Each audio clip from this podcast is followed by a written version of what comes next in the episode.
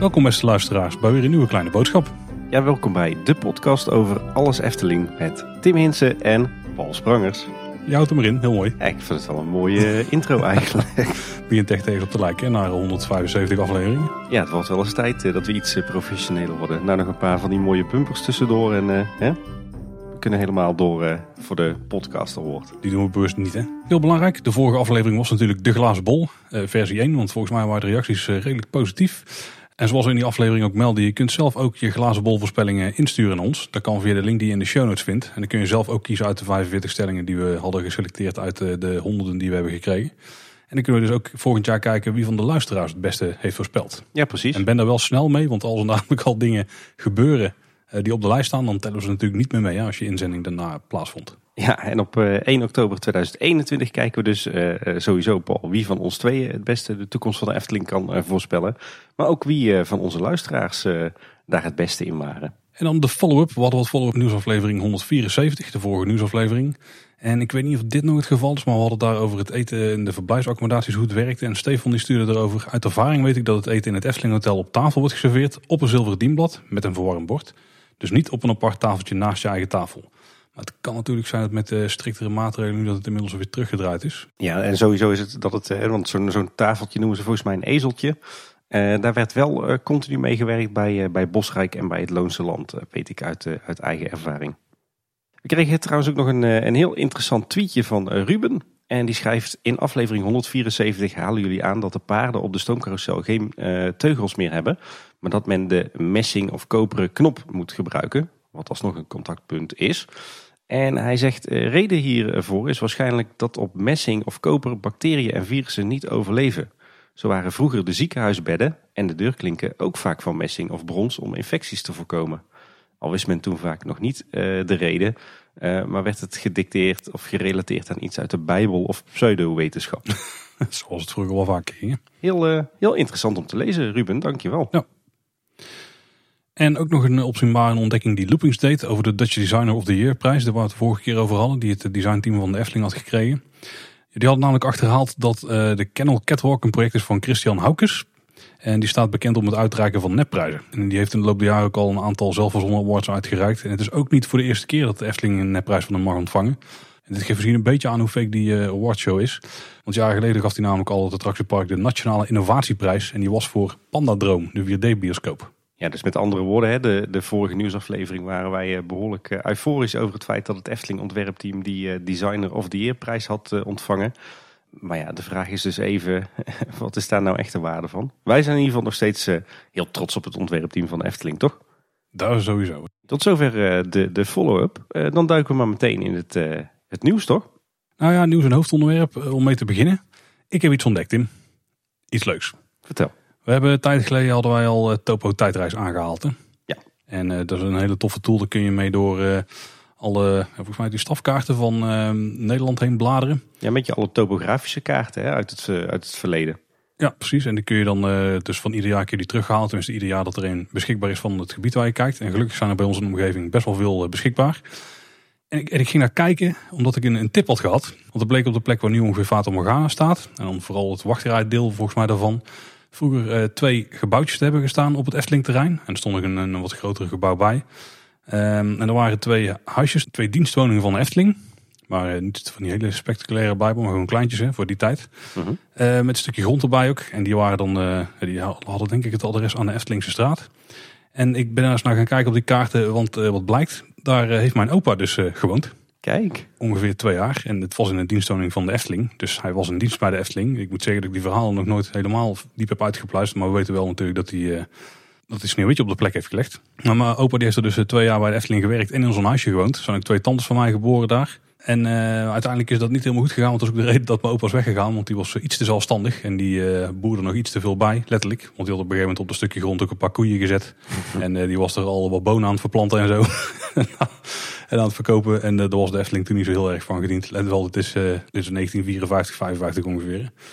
Toen hebben ze toch maar besloten dat het beter was dat hij echt zelfstandig eh, een bedrijfje ging draaien. Wat hij toen ook heeft gedaan. Maar die heeft daar in die huisjes gewoond. Wat gaaf zeg. Je hebt dus echt een, een best wel intensieve familieband met de Efteling eigenlijk. Ja, Chris Sprang is inderdaad een neef van mijn opa. En volgens mij heeft hij hem ook bij de Efteling binnengehaald toen. Dus hij was een van de eerdere medewerkers. Niet de eerste, maar wel een van de, nou dat zal toch wel een van de eerste honderd zijn geweest, zo denk ik. Ja. Dus ja, de- bijzonder genoeg eh, weet iedereen wel dat ik met de podcast binnen ben. Maar dit soort dingen vertellen ze dan niet totdat je er zelf een beetje aan gaat trekken. dat is dan toch wel jammer hè. Wat een, wat een toffe connectie zeg. En wat leuk dat je daar zo eh, achter bent gekomen. Ja, ik moet nog wel wat meer gaan graven. Want er zit volgens mij nog wel meer in. Daar zitten meer verhalen in, lijkt mij, ja. Ja. Dus even kijken wie van de tantes nog goed weet hoe het eh, eraan toe ging toen. Lachen. Ja, een mooie, mooie opening van onze nieuwsaflevering zo. Ja, een klein stukje historie hè. Ja, Onbekende historie volgens mij tot nu toe. In ieder geval, het was voor mij onbekend. ja precies. Doet me wel weer een beetje terugdenken aan eh, die afleveringen die wij gemaakt hebben over de geschiedenis van eh, de Efteling van voor 1952. Dat was een leuke speurtocht toen. Daar valt het net, eh, ja, net op de rand van. Ja. hey, maar la- laten we, laten we vooral in het nieuws gaan duiken. Want er is ontzettend veel weer gebeurd de afgelopen twee weken. Zowel positieve als negatieve zaken. Ehm, ja, het grootste nieuws was denk ik toch wel de opening van, of eigenlijk de première van de Aquanura met de zachte G. Ja, absoluut. En daar weten we eigenlijk op dit moment nog helemaal niks van. want eh, op het moment dat we opnemen moeten we nog naar de première gaan. Die is morgen. En er zal alvast wel meer bekend worden. Eh, sowieso omdat wij dan ook een extra aflevering gaan uitbrengen. Die is inmiddels al uitgekomen. Dus die heb je waarschijnlijk al geluisterd. En die gaat volledig over eh, de première en wat we vinden van Aquanura met de zachte G. Ja, ja, een kleine blik achter de schermen. We nemen deze nieuwsaflevering op woensdagavond op. De première van Aquanura met de zachte G is op donderdagavond. En dan brengen we eerst die aflevering van donderdagavond uit. En eh, op de maandagochtend de aflevering die we op woensdagavond hebben opgenomen. Dus het is een beetje een logistieke uitdaging voor ons. Maar alles wat je dus wil weten over Aquanura met een zachte G, dat eh, heb je wellicht al wel gehoord in die bonusaflevering. En zo niet, eh, check dan even de website kleineboodschap.com of je podcast app op die bonusaflevering. Nou, hopelijk konden jullie de planning zoals Tim die uiteenzet een beetje volgen. Misschien een flowchart even van maken. Dan eh, de Winter Efteling 2020-2021. Want daar hebben we ook al het nieuws over gehoord. Of in ieder geval heel veel nieuws over gehoord. Ja, het is, er is eindelijk duidelijkheid. Hè? We, hebben, we zaten toch best wel lang eh, er tegenaan te hikken tegen het feit dat er nog niks bekend was over de Winter Efteling. Z- Zou die überhaupt plaats gaan vinden of niet? En zo ja, op wat voor eh, manier? Maar we hebben ineens eh, ja, behoorlijk wat duidelijkheid daarover. Ja, wat in ieder geval heel groot nieuws is dat het IJspaleis gaat verdwijnen. De langlaufbaan gaat ook verdwijnen. En de Winterse illusies die gaan ook niet terugkeren. In ieder geval voor dit jaar. Want er gaan wat wijzigingen plaatsvinden. Maar, de 22e editie van de Winter die gaat dus vanaf 16 november starten. En die zal 11 weken duren tot 31 januari 2021. En eh, die zal dus heel anders zijn dan eh, we de afgelopen twintig jaar gewend zijn. Eh, geen ijspaleis dus, geen langlaufbaan, geen winterse illusies. De potkacheltjes die vorig jaar nieuw waren, die keren wel terug. En ook de vreugdevuren komen terug. Nou, je vraagt je misschien af van waarom eh, komen al die zaken niet, eh, niet terug dit jaar? Eh, nou, in het Brabants Dagblad stond nog een, een interessant artikel over de Winter Efteling. En daarin laat de Efteling doorschemeren dat het, het IJspaleis ja, niet haalbaar is door alle coronamaatregelen. Het is bijna het is ondoenlijk om daar die anderhalve meter afstand te houden. Of er kunnen maar heel weinig mensen binnen. En dat komt de sfeer en de rendabiliteit natuurlijk ook niet ten goede. Op de langlaufbaan speelt dat probleem niet. Eh, langlaufbaan Het Heigend Hert, hè, die eh, ieder jaar wordt opgebouwd eh, bij de traptreintjes. Maar daar zegt de Efteling over, kijkende naar de financiële situatie van de Efteling op dit moment... en het geld dat het opbouwen van de baan kost... hebben we er toch maar voor gekozen om dit jaar niet aan te beginnen. En voor de winterse illusies, die projectie die, die nu nog te zien was op Villa Volta... eh, daarvan wordt gezegd, deze was toe aan onderhoud, maar ook dat stellen we nu uit. We waren toe aan onderhoud. Dus we bedoelen dat er misschien een nieuwe versie komt. Nieuwe beamerlamp. Ja, daar zou het misschien nieuwe torens. Ik hoop nieuwe, nieuwe illusies, want, want die kunnen wel iets gemoderniseerd worden, denk ik. Nou ja, nieuwe illusies. Ik hoop vooral dat die op de Vliegende Hollander en eh, bij het Spookslot terugkeren. Ja, die bij het spookslot. Ja, ik hoop het ook. Dat was wel heel gaaf. Misschien wel op Symbolica, daar heeft ook wel potentie daarvoor. Oh, absoluut. Een soort eh, slotshow op Symbolica. Dat lijkt me ook, eh, ook nog wel wat ooit. Overigens eh, meldt het Brabants ook dat de vreugdevuren op het Carnaval Festivalplein en bij Max en Moritz eh, deze winter eh, er ook niet zullen staan. Want die pleinen zijn toch al druk en aan de kleine kant.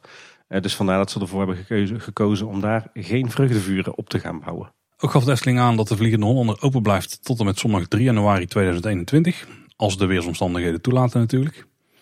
Maar ja, we hebben dus al gemeld wat er dus niet komt. Maar wat gaat er dan wel komen, Tim? Ja, daar gaat iets heel tofs komen volgens mij. Afgaande op eh, wat we ervan hebben gehoord en gezien. Want de speelweide wordt omgetoverd tot eh, de warme winterweide. En daarop komen twee grote vreugdevuren te staan. Uh, gedeeltelijk overdekte zitgelegenheid en, gedeeltelijk buitenterrassen. Uh, en daar zal verder onder andere winters entertainment te vinden zijn. En allerhande chalets met eten, drinken en merchandise. En op de Efteling blog, waar recent dus de aankondiging was... stond trouwens ook een prachtige impressietekening van, dat, van die warme winterweide. En ik moet zeggen, dat zag er toch wel erg gezellig en Eftelings en Oud-Hollands uit. Als het maar half zo sfeer wordt als die impressietekening, dan gaat het wel goed komen, denk ik. Ja. Precies. Leuk detail was wel dat het, uh, het toiletplein, om het maar even zo te noemen, dat dat er ook netjes op ingetekend stond. Compleet met bouwhekken, dus zo eerlijk waren ze wel. Ja, kijk, het is wel een goede dat die erbij stond. Want waar de warme winterwaarde komt, is natuurlijk wel de plek waar op dit moment de Zijkstraat is. Ja, het Pisplein. Inderdaad, ja. die gaan ze nu dus verplaatsen meer naar links. Ik vond het wel grappig, want we hebben natuurlijk de, de, de vorige nieuwsaflevering op basis van een... Uh, een gesprek wat uh, een van onze luisteraars had opgevangen tussen Efteling personeelsleden, hadden we al wel uh, het gerucht gehoord dat er zoiets zou verschijnen op de speelweide. En daar waren wij al druk aan het, aan het, ja, aan het armchair imagineren geslagen. Hè, met een mooie uh, openlucht ijsbaan met daaromheen uh, kraampjes met koek en zopie en dennenbomen en, en bankjes en bandjes. En dat alles in een uh, oud-Hollands pieksfeertje. En uiteindelijk is dit ook wel een beetje waar wij op hoopten. Hè? Geen, weliswaar geen outdoor ijsbaan. Dat, dat gaan we misschien ooit nog eens terugzien op het moment dat corona uit het land is. Maar verder qua sfeer en opbouw ja, beantwoordt dit wat mij betreft wel heel erg aan mijn, mijn, mijn vurigste wensen.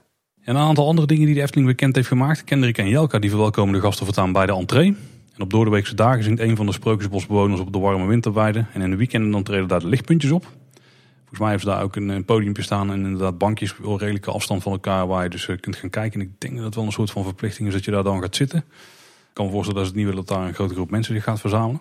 In ieder geval tof dat eh, de lichtpuntjes terugkeren, toch een van mijn favoriete acts.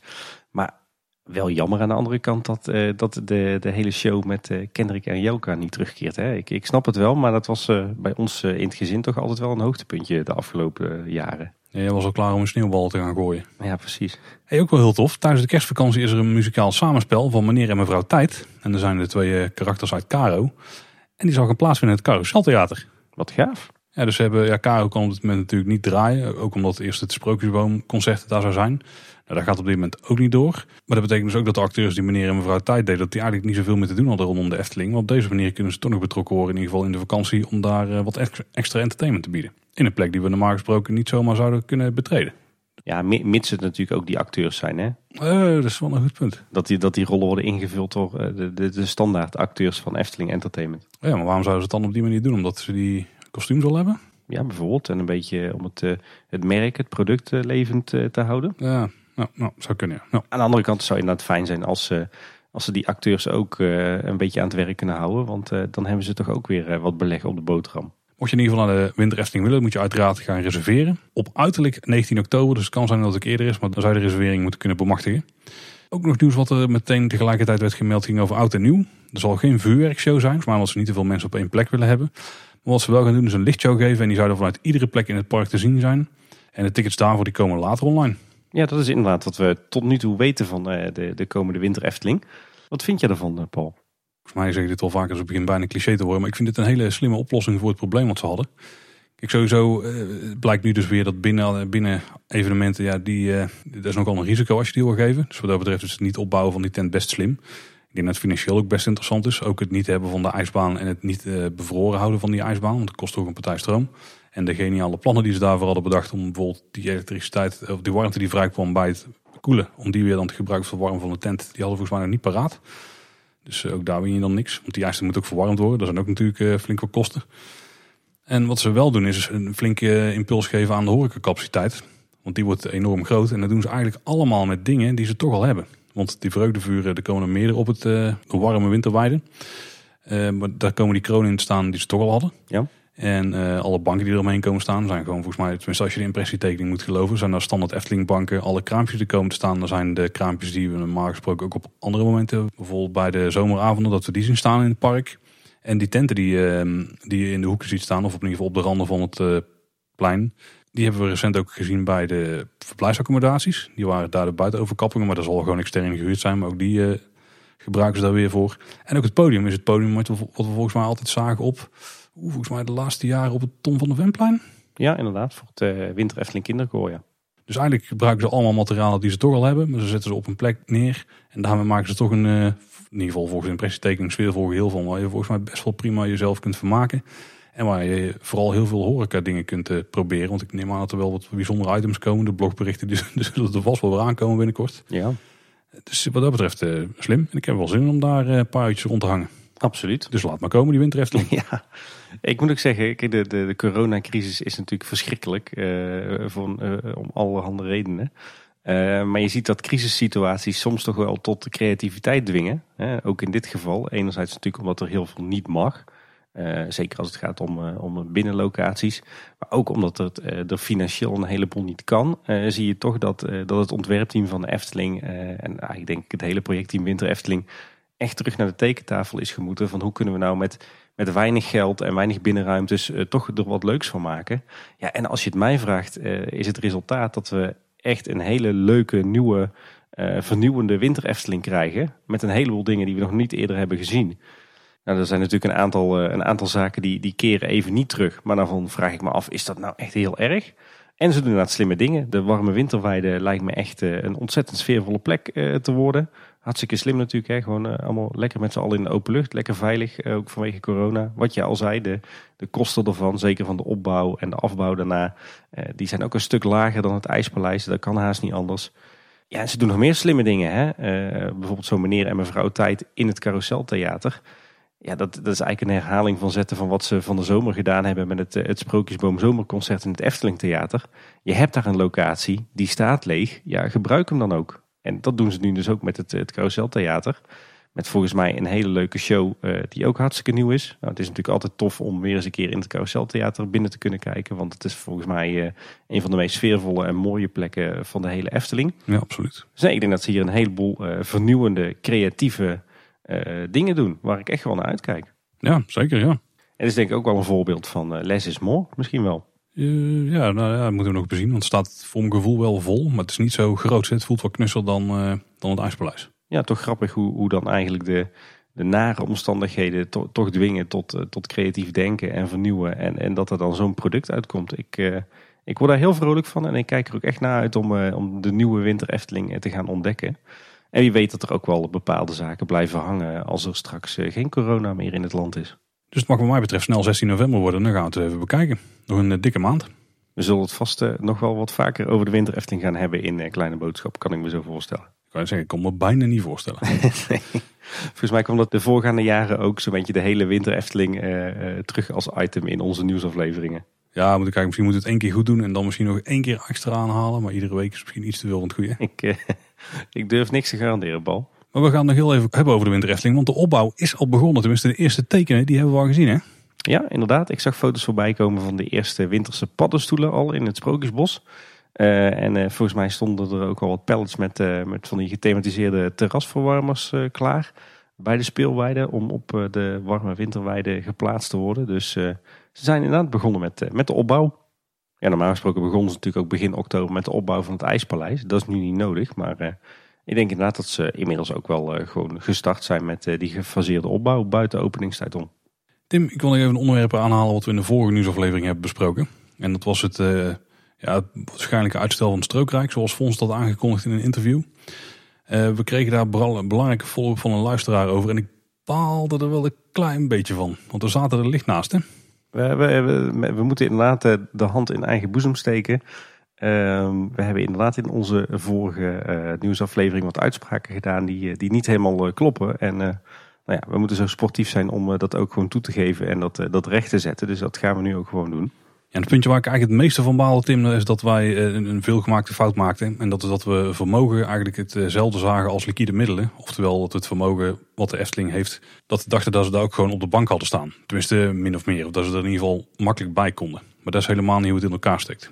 Nee, absoluut niet. Want wij zeiden in die aflevering dat het geld bij de Efteling tegen de plint omhoog klotst.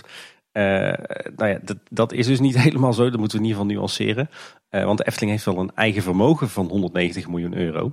Maar dat wil niet meer en niet minder zeggen dat, uh, dat de huidige waarde van alles wat de Efteling is, dus de attracties, de gebouwen, de, de terreinen, dat, dat het gedeelte wat ze daarvan zelf betaald hebben en waar ze dus niet voor geleend hebben, dat is 190 miljoen euro waard. Maar dat is dus niet het geld wat ze op de bank hebben staan. Dat geld zouden ze pas op de bank kunnen hebben staan als ze de Efteling verkopen. Maar goed, laten we hopen Nou, dat dat eh, nooit gaat gebeuren.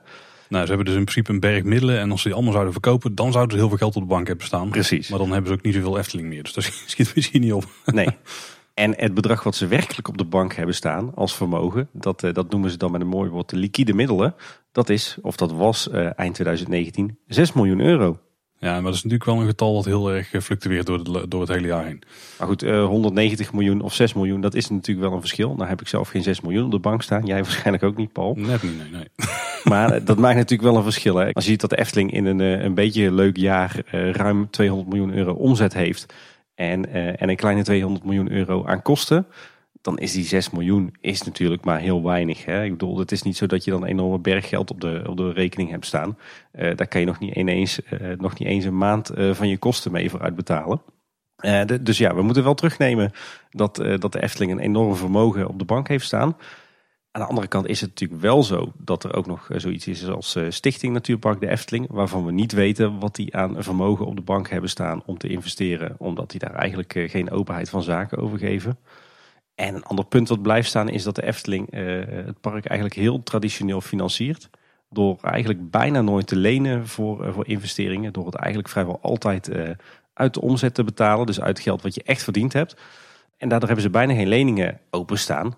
Zijn ze dus een heel solvabel bedrijf, zoals dat dan zo mooi heet. Wat eigenlijk betekent dat je, dat je vrijwel geen betalingsverplichtingen aan, aan je leningen hebt. En dat betekent dus ook dat je, dat je eh, heel veel extra kunt lenen tegen hele gunstige eh, condities. Maar goed, ook daarvan is natuurlijk de vraag, moet je dat willen? Eh, want op het moment dat je geld gaat lenen, dan ga je natuurlijk nog tientallen jaren daarna dat, dat geld terug moeten betalen aan rente en aflossing. En voor je het weet hangen die leningen als een molensteen om je nek. Kijk bijvoorbeeld naar een, een Disneyland Parijs, die daar nog steeds last van heeft. Of misschien ook wel een toverland op dit moment. Ja, maar die hebben het natuurlijk ook wel heel extreem gedaan. Want Efteling is op zich niet vies van lenen. Maar tot nu toe hebben ze daar eigenlijk hoofdzakelijk gedaan voor de verblijfsaccommodaties. Ja. Dus eh, zowel Bosrijk als het Loonse Land, daar eh, is geleend geld in gegaan. Het zou een optie zijn en het is ook niet per se vervelend om een lening te hebben als een bedrijf. Zeker als je weet dat je er geld mee gaat maken. Maar dan is het wel fijn als zo'n crisis inderdaad voorbij is, of het zicht daarop eh, voorbij is. Dus de opmerkingen van Fons, die snap ik nu in ieder geval een stuk beter. Ja. En het is wel goed dat iedereen dit even nog meekrijgt. Ja, dus ko- kortom, de financiële situatie van de Efteling is nog steeds, eh, zeker in vergelijking met andere bedrijven, ontzettend goed. Juist omdat ze eh, zo eh, behoudend investeren en eigenlijk heel traditioneel boekhouden. Eh, heel risicoarm ook. Maar het is niet zo dat ze enorme bedragen op de bank hebben staan. In ieder geval niet de BV. Dan een ander puntje wat we ook nog aanhaalden. En dit is gewoon te complex voor mij om te snappen. Dus ik ga het gewoon letterlijk quoten zoals we het van een luisteraar binnenkregen. Eh, het ging over de NOE2-regeling. En eh, waar de Efteling dan geen gebruik van zou mogen maken. En daar- daarover schreef de luisteraar...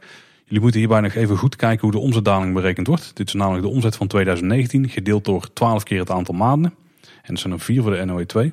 Dit betekent dat de hogere zomeromzet verdeeld wordt over het hele jaar en de zomerpiek dus afvlakt. Zelfs met een slechte zomer kan het dus zijn dat de omzetdaling voor de NOE onvoldoende, minder dan 20% is om hiervoor in aanmerking te komen. En wellicht dat de NOE 3 dan weer wel tot de mogelijkheden behoort. Dus het punt is eigenlijk omdat ze naar een gemiddelde maand kijken over het hele jaar. Ja, dan heb je in de zomerperiode waar die NOE 2 over ging, dan heb je juist niets van die interessante cijfers. Want de Efteling die, eh, Ja, dat komt eigenlijk omdat, je, omdat de Efteling eh, dicht is geweest in de maanden waarin ze toch al eh, niet heel veel verdienen. Hè? En ze zijn juist nu weer open in de maanden waarin ze normaal gesproken veel meer verdienen dan in dat laagseizoen. Dus dat was minder vreemd dan dat wij dachten.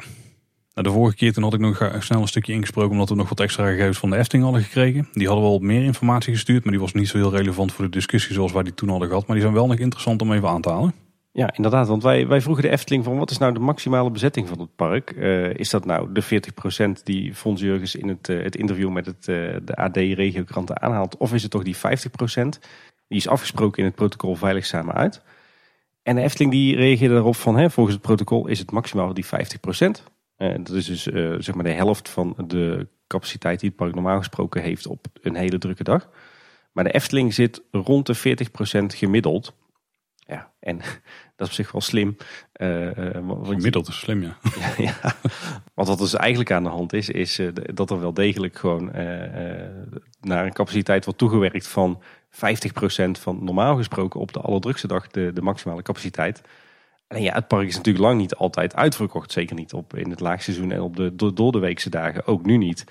Dus als je dan naar de gemiddelde bezetting van het park gaat kijken, ja, dan geloof ik best dat die geen 50% is van, van de maximale capaciteit, maar 40%. Ja, heel sneaky, heel sneaky. We hadden ook gevraagd dat er niet een plan B was voor seizoen 2021. Nou is het natuurlijk kaarten waar ze misschien niet in laten kijken. Maar daarvoor zeiden ze, we gaan sowieso investeringen doen op het gebied van duurzaamheid. En maar verder hebben we nog geen concreet plan B. Maar ik kan me niet voorstellen dat er niet eentje ligt. Tuurlijk ligt er een, een plan B voor 2021, ja. Ja, of in het, in het slechtste geval, en, en dat hoop ik niet. Maar ja, er staat natuurlijk ook nog gewoon de mogelijkheid, mogelijkheid dat ze in 2021 nog helemaal niet gaan investeren verder. Nou ja, dat zou inderdaad best kunnen. Dat ze liever uh, alles sparen voor, uh, als er iets te sparen valt in ieder geval, voor de reisrijk uitbreiding. Ja, maar dan ik vraag me af of dat niet, uh, niet heel schadelijk is hoor, om in 2021 geen investeringen te doen.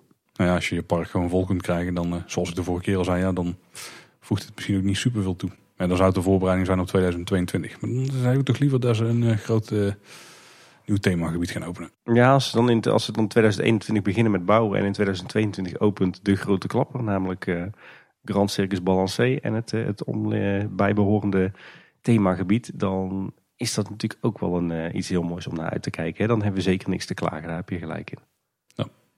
Nou, we hadden nog wel meer vragen gesteld. Onder andere bijvoorbeeld waarom er niet geïnvesteerd werd uit het eigen vermogen van de BV of uit het vermogen van de stichting. Of misschien met geleend geld. Um, en ook een vraag of dat misschien nu niet het moment was om juist uit te breiden. Zodat als de crisis achter de rug is dat je meteen iets groots hebt. En op beide vragen gaven ze eigenlijk hetzelfde antwoord. En dat was, aangezien we niet weten wanneer deze situatie achter de rug is, zijn we liever voorzichtig. We zijn natuurlijk onderdeel van de stichting en ons belangrijkste doel is de continuïteit, niet de winst op lange termijn. Door ons eigen vermogen hoeven we niet direct te vrezen voor om om te vallen. En dat is al heel wat ten opzichte van veel andere bedrijven in deze tijd. Bovendien hebben we het overgrote deel van ons personeel kunnen behouden en dat is ons allergrootste kapitaal. Bij veel bedrijven met minder vermogen zie je heel andere dingen gebeuren. Oeh, dat is licht aanvallend naar de, andere bedrijven. Maar inderdaad, ik vind het wel heel fijn bij de Efteling dat er maar heel weinig rondom, de, rondom het personeel is gebeurd. Dat is toch wel eh, als werkgever in ieder geval een hele goede zaak. Absoluut. En, en nu we wat beter weten hoe het zit met de vermogenspositie van de Efteling, is het ook wel te begrijpen. Hè? Uh, het, het grote voordeel van het feit dat ze dus bijna geen leningen uit hebben staan, is dus inderdaad dat ze zich eh, geen zorgen hoeven te maken of ze uh, om gaan vallen. En, en omdat ze gewend zijn om maar te investeren uit die omzet, kunnen ze als de omzet een jaartje een stuk minder is, zoals dit jaar zeker het geval is, als ze dan ook bijvoorbeeld de investeringen terugschroeven naar bijna nul, ja, dan maak je ook veel minder kosten. En dan kan je misschien toch nog wel met een beetje geluk zwarte cijfers draaien. Zou niet per se heel erg zijn. Zou ook wel een goede baas zijn om in de toekomst er wel mee te investeren, eventueel dus wel met de lening. Als het in ieder geval dit jaar lukt. En ergens moet ik zeggen dat ik uh, me er ook wel, uh, dat ook wel goed voelt hoor, dat de Efteling zo voorzichtig is. Want het laatste wat we natuurlijk winnen, willen is dat ze nu grote financiële risico's gaan lopen en dat ze later alsnog omvallen. Dus ergens voelt het ook wel goed dat ze nu zo voorzichtig zijn en de investeringen en de kosten terugschroeven zolang het heel onzeker is waar het naartoe gaat met die coronacrisis. Er wordt ook even een vraag uitgezet onder de luisteraars, wat die het liefste zouden zien. En het is misschien niet heel verrassend, maar het grootste deel die zegt dan toch dat ze graag zouden investeren. En dat is ongeveer 64% die dat aangaf. En uh, 36% die zegt dat ze liever wat spaarzamer moeten zijn, de Efteling. Maar is niet zo heel vreemd, want ik denk dat de meeste liefhebbers toch zien dat, dat er weer mooie nieuwe dingen verschijnen in het park. Ja, ik moet zeggen dat, dat mijn mening wel gekanteld is hoor. Ik, ik moet zeggen dat ik het, uh, het voortbestaan van de Efteling op de lange termijn stiekem toch belangrijker vind dan uh, welke investeringen er de komende jaren worden gedaan. Maar reden van blijven in de toekomst kan natuurlijk ook reden zijn om te blijven investeren. Dus dat hangt er wel enigszins samen. Dus ik denk dat het voor de Efteling zelf ook een hele lastige discussie is op dit moment. Ja, beide zaken hangen inderdaad met elkaar samen. Ik kan me wel voorstellen dat zolang we nog in zo'n onzekere tijd uh, zitten, dat zelfs niet duidelijk is of en wanneer er een coronavaccin is, wat werkt. Dat je zegt van nou, laten we in, in die periode maar even de pas op de plaats maken. Want we weten totaal nog niet waar het naartoe gaat. Er wordt ook gevraagd hoe het nu zat met eh, het onderhoud. Wordt er ook op bezuinigd. Afgelopen jaar lag het budget namelijk rond de 10 miljoen ongeveer per jaar qua onderhoud. En daarover zeggen ze dat het onderhoud van ons 68 jaar oude park kostbaar is en belangrijk. En daar zullen we in blijven investeren. Maar nogmaals, in onzekere tijden zoals deze moeten we daarom extra voorzichtig omspringen met onze financiën. Oftewel, onderhoud zal blijven gebeuren, maar ze zullen een stuk kieskeuriger zijn. Ja, ik moet zeggen dat ik uh, dit ook heel goed begrijp. Zeker als je ziet uh, wat het onderhoud de Efteling jaarlijks kost. Efteling eh, steekt natuurlijk enorm veel geld in onderhoud, zeker ook ten opzichte van andere uh, pret- en themaparken. Uh, heel begrijpelijk dat ze dat dit jaar op een lager pitje hebben, hebben gezet. Aan de andere kant hoop ik wel dat ze dat niet blijven doen. Want wat je natuurlijk ziet op dit moment in het park is dat, dat de staat van onderhoud ja, best wel terugloopt. niet technisch of niet qua veiligheid, maar met name qua ja, het bouwkundige, het schilderonderhoud, het esthetische onderhoud, zeg maar. Ja, dat kan je zo terug laten lopen. Want in principe is er niet meteen een, een, een heel kritisch probleem als je dat doet. Ja, aan de andere kant, hoe verder je het laat teruglopen, hoe duurder het straks ook is om het allemaal weer, uh, weer terug in goede staat te krijgen. Dus ik denk misschien dat het juist wel beter is om dat onderhoud weer op te pakken en nog even niet te investeren. Maar om er juist voor te zorgen dat het onderhoud weer een beetje op, op peil komt. Ja, hoe langer je dat, daar, daar weinig aan uitgeeft, hoe, groot, hoe meer het straks gaat kosten om het weer allemaal netjes te krijgen. Dus, nou, zeker.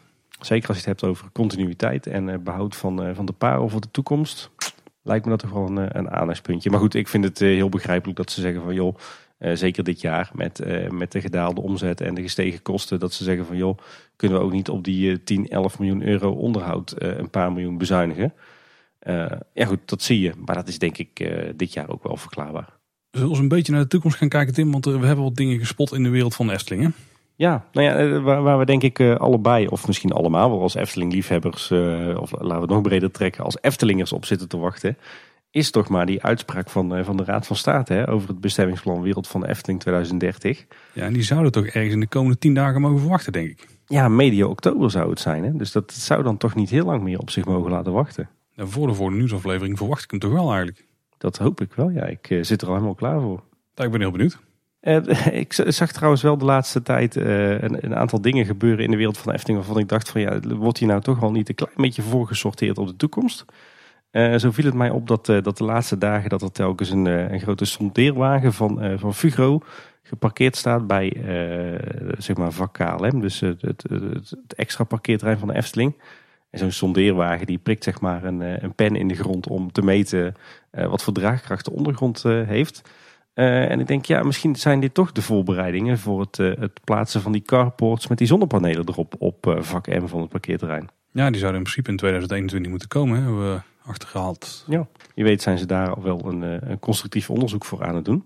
Um, en het viel me trouwens ook nog op in het park als je van, van het Reisrijk naar het Ruigrijk loopt en je komt langs het Kleuterhof. viel me ineens een, een nieuwe vleermuiskast op in een van de bomen daar. Uh, nou kan die natuurlijk gewoon sowieso zijn opgehangen voor de leuk. Uh, maar wat je ook nog wel eens ziet, is als er plannen zijn om bijvoorbeeld uh, een, een, bosgebied te kappen en het is een leefgebied van vleermuizen, dan moet je van tevoren de vleermuizen de kans geven om te verhuizen.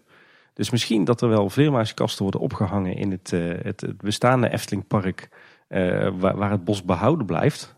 om die vleermuizen die nu nog in zeg maar het bosgebied tussen de Oude Horst en de N62 zitten, om die alvast te, te laten verhuizen. Zodat ze hmm. daar toch uh, op termijn uh, een hoop bos kunnen kappen. Zodat ze kunnen beginnen met de bouw van strookrijk.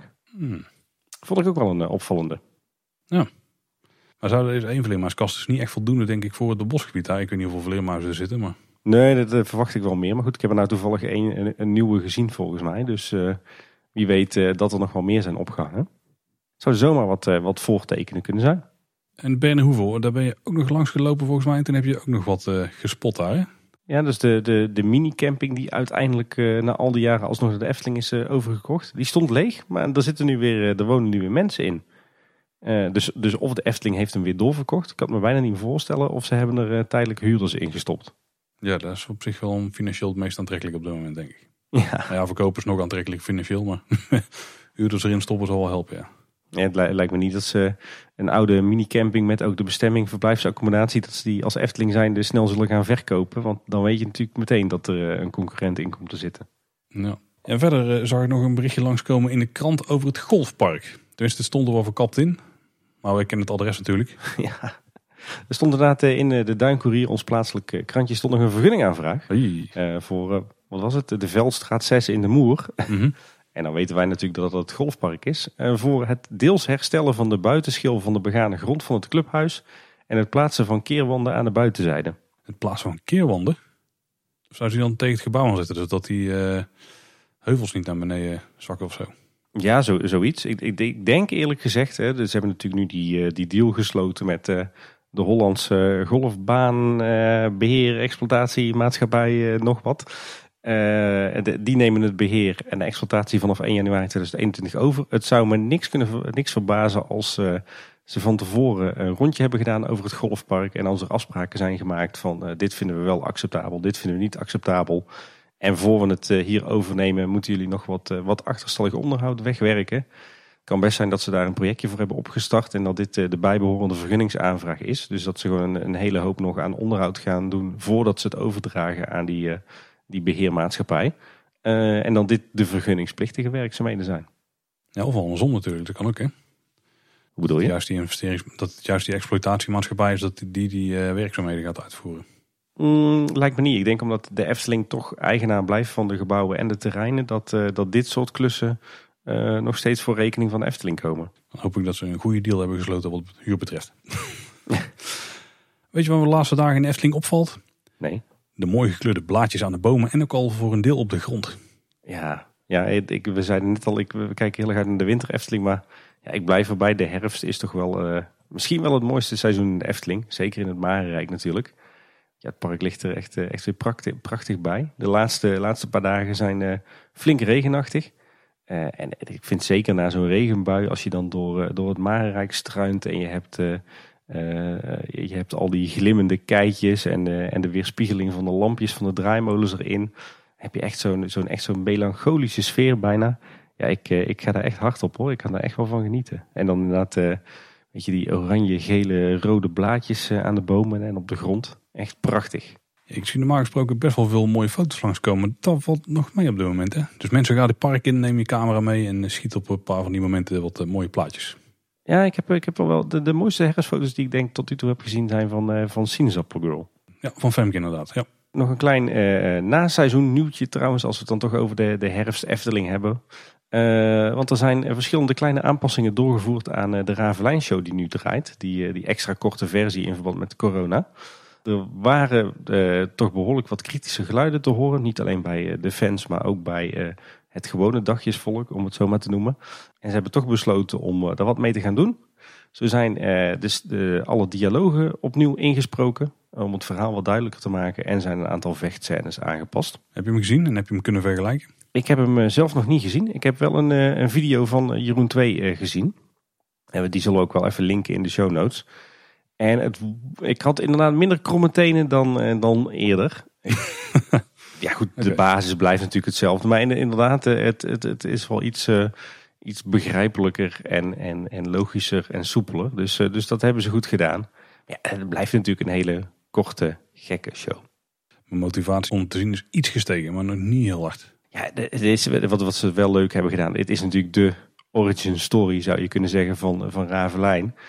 Uh, en dat is natuurlijk wel een hele leuke insteek uh, als je de beperking hebt dat je een korte, goedkope versie van de show moet gaan maken. En dat hebben ze, daar hebben ze denk ik ook wel, wat we net ook al over de nieuwe winter Efteling zeiden. Juist denk ik door die beperkingen hebben ze wel iets heel leuks, verfrissends, vernieuwends, creatiefs neergezet. Ook bij Ravelijn. Oké, okay, dus niet per se de termen zoals ik de meeste mensen die show heb horen omschrijven. Maar het is anders. Ja, goed, kijk, ik bedoel, uh, Het ligt er natuurlijk ook een beetje aan wat je, wat je normaal gesproken van Ravelijn vindt. We weten natuurlijk dat er, uh, dat er heel veel liefhebbers zijn die moeten sowieso al niks van Ravelijn hebben. Ja, dan ga je dit ook niet leuk vinden. Nee, dat ligt voor de hand, ja. Dan ga je dit nog minder leuk vinden.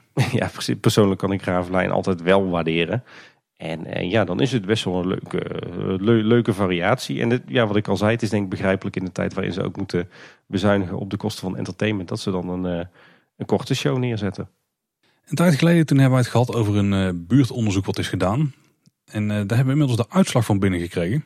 En het was best wel uh, veel respons opgekomen. Ze hadden 7500 uitnodigingen verstuurd, maar ze hebben 1360 reacties gekregen. Dat is een respons van 18%. Dat is vrij hoog. Ja, ik kan je vertellen, ik doe dit soort buurtonderzoeken voor mijn werk ook geregeld. Als ik ergens in een wijk aan de slag ga in de gemeente waar ik voor werk.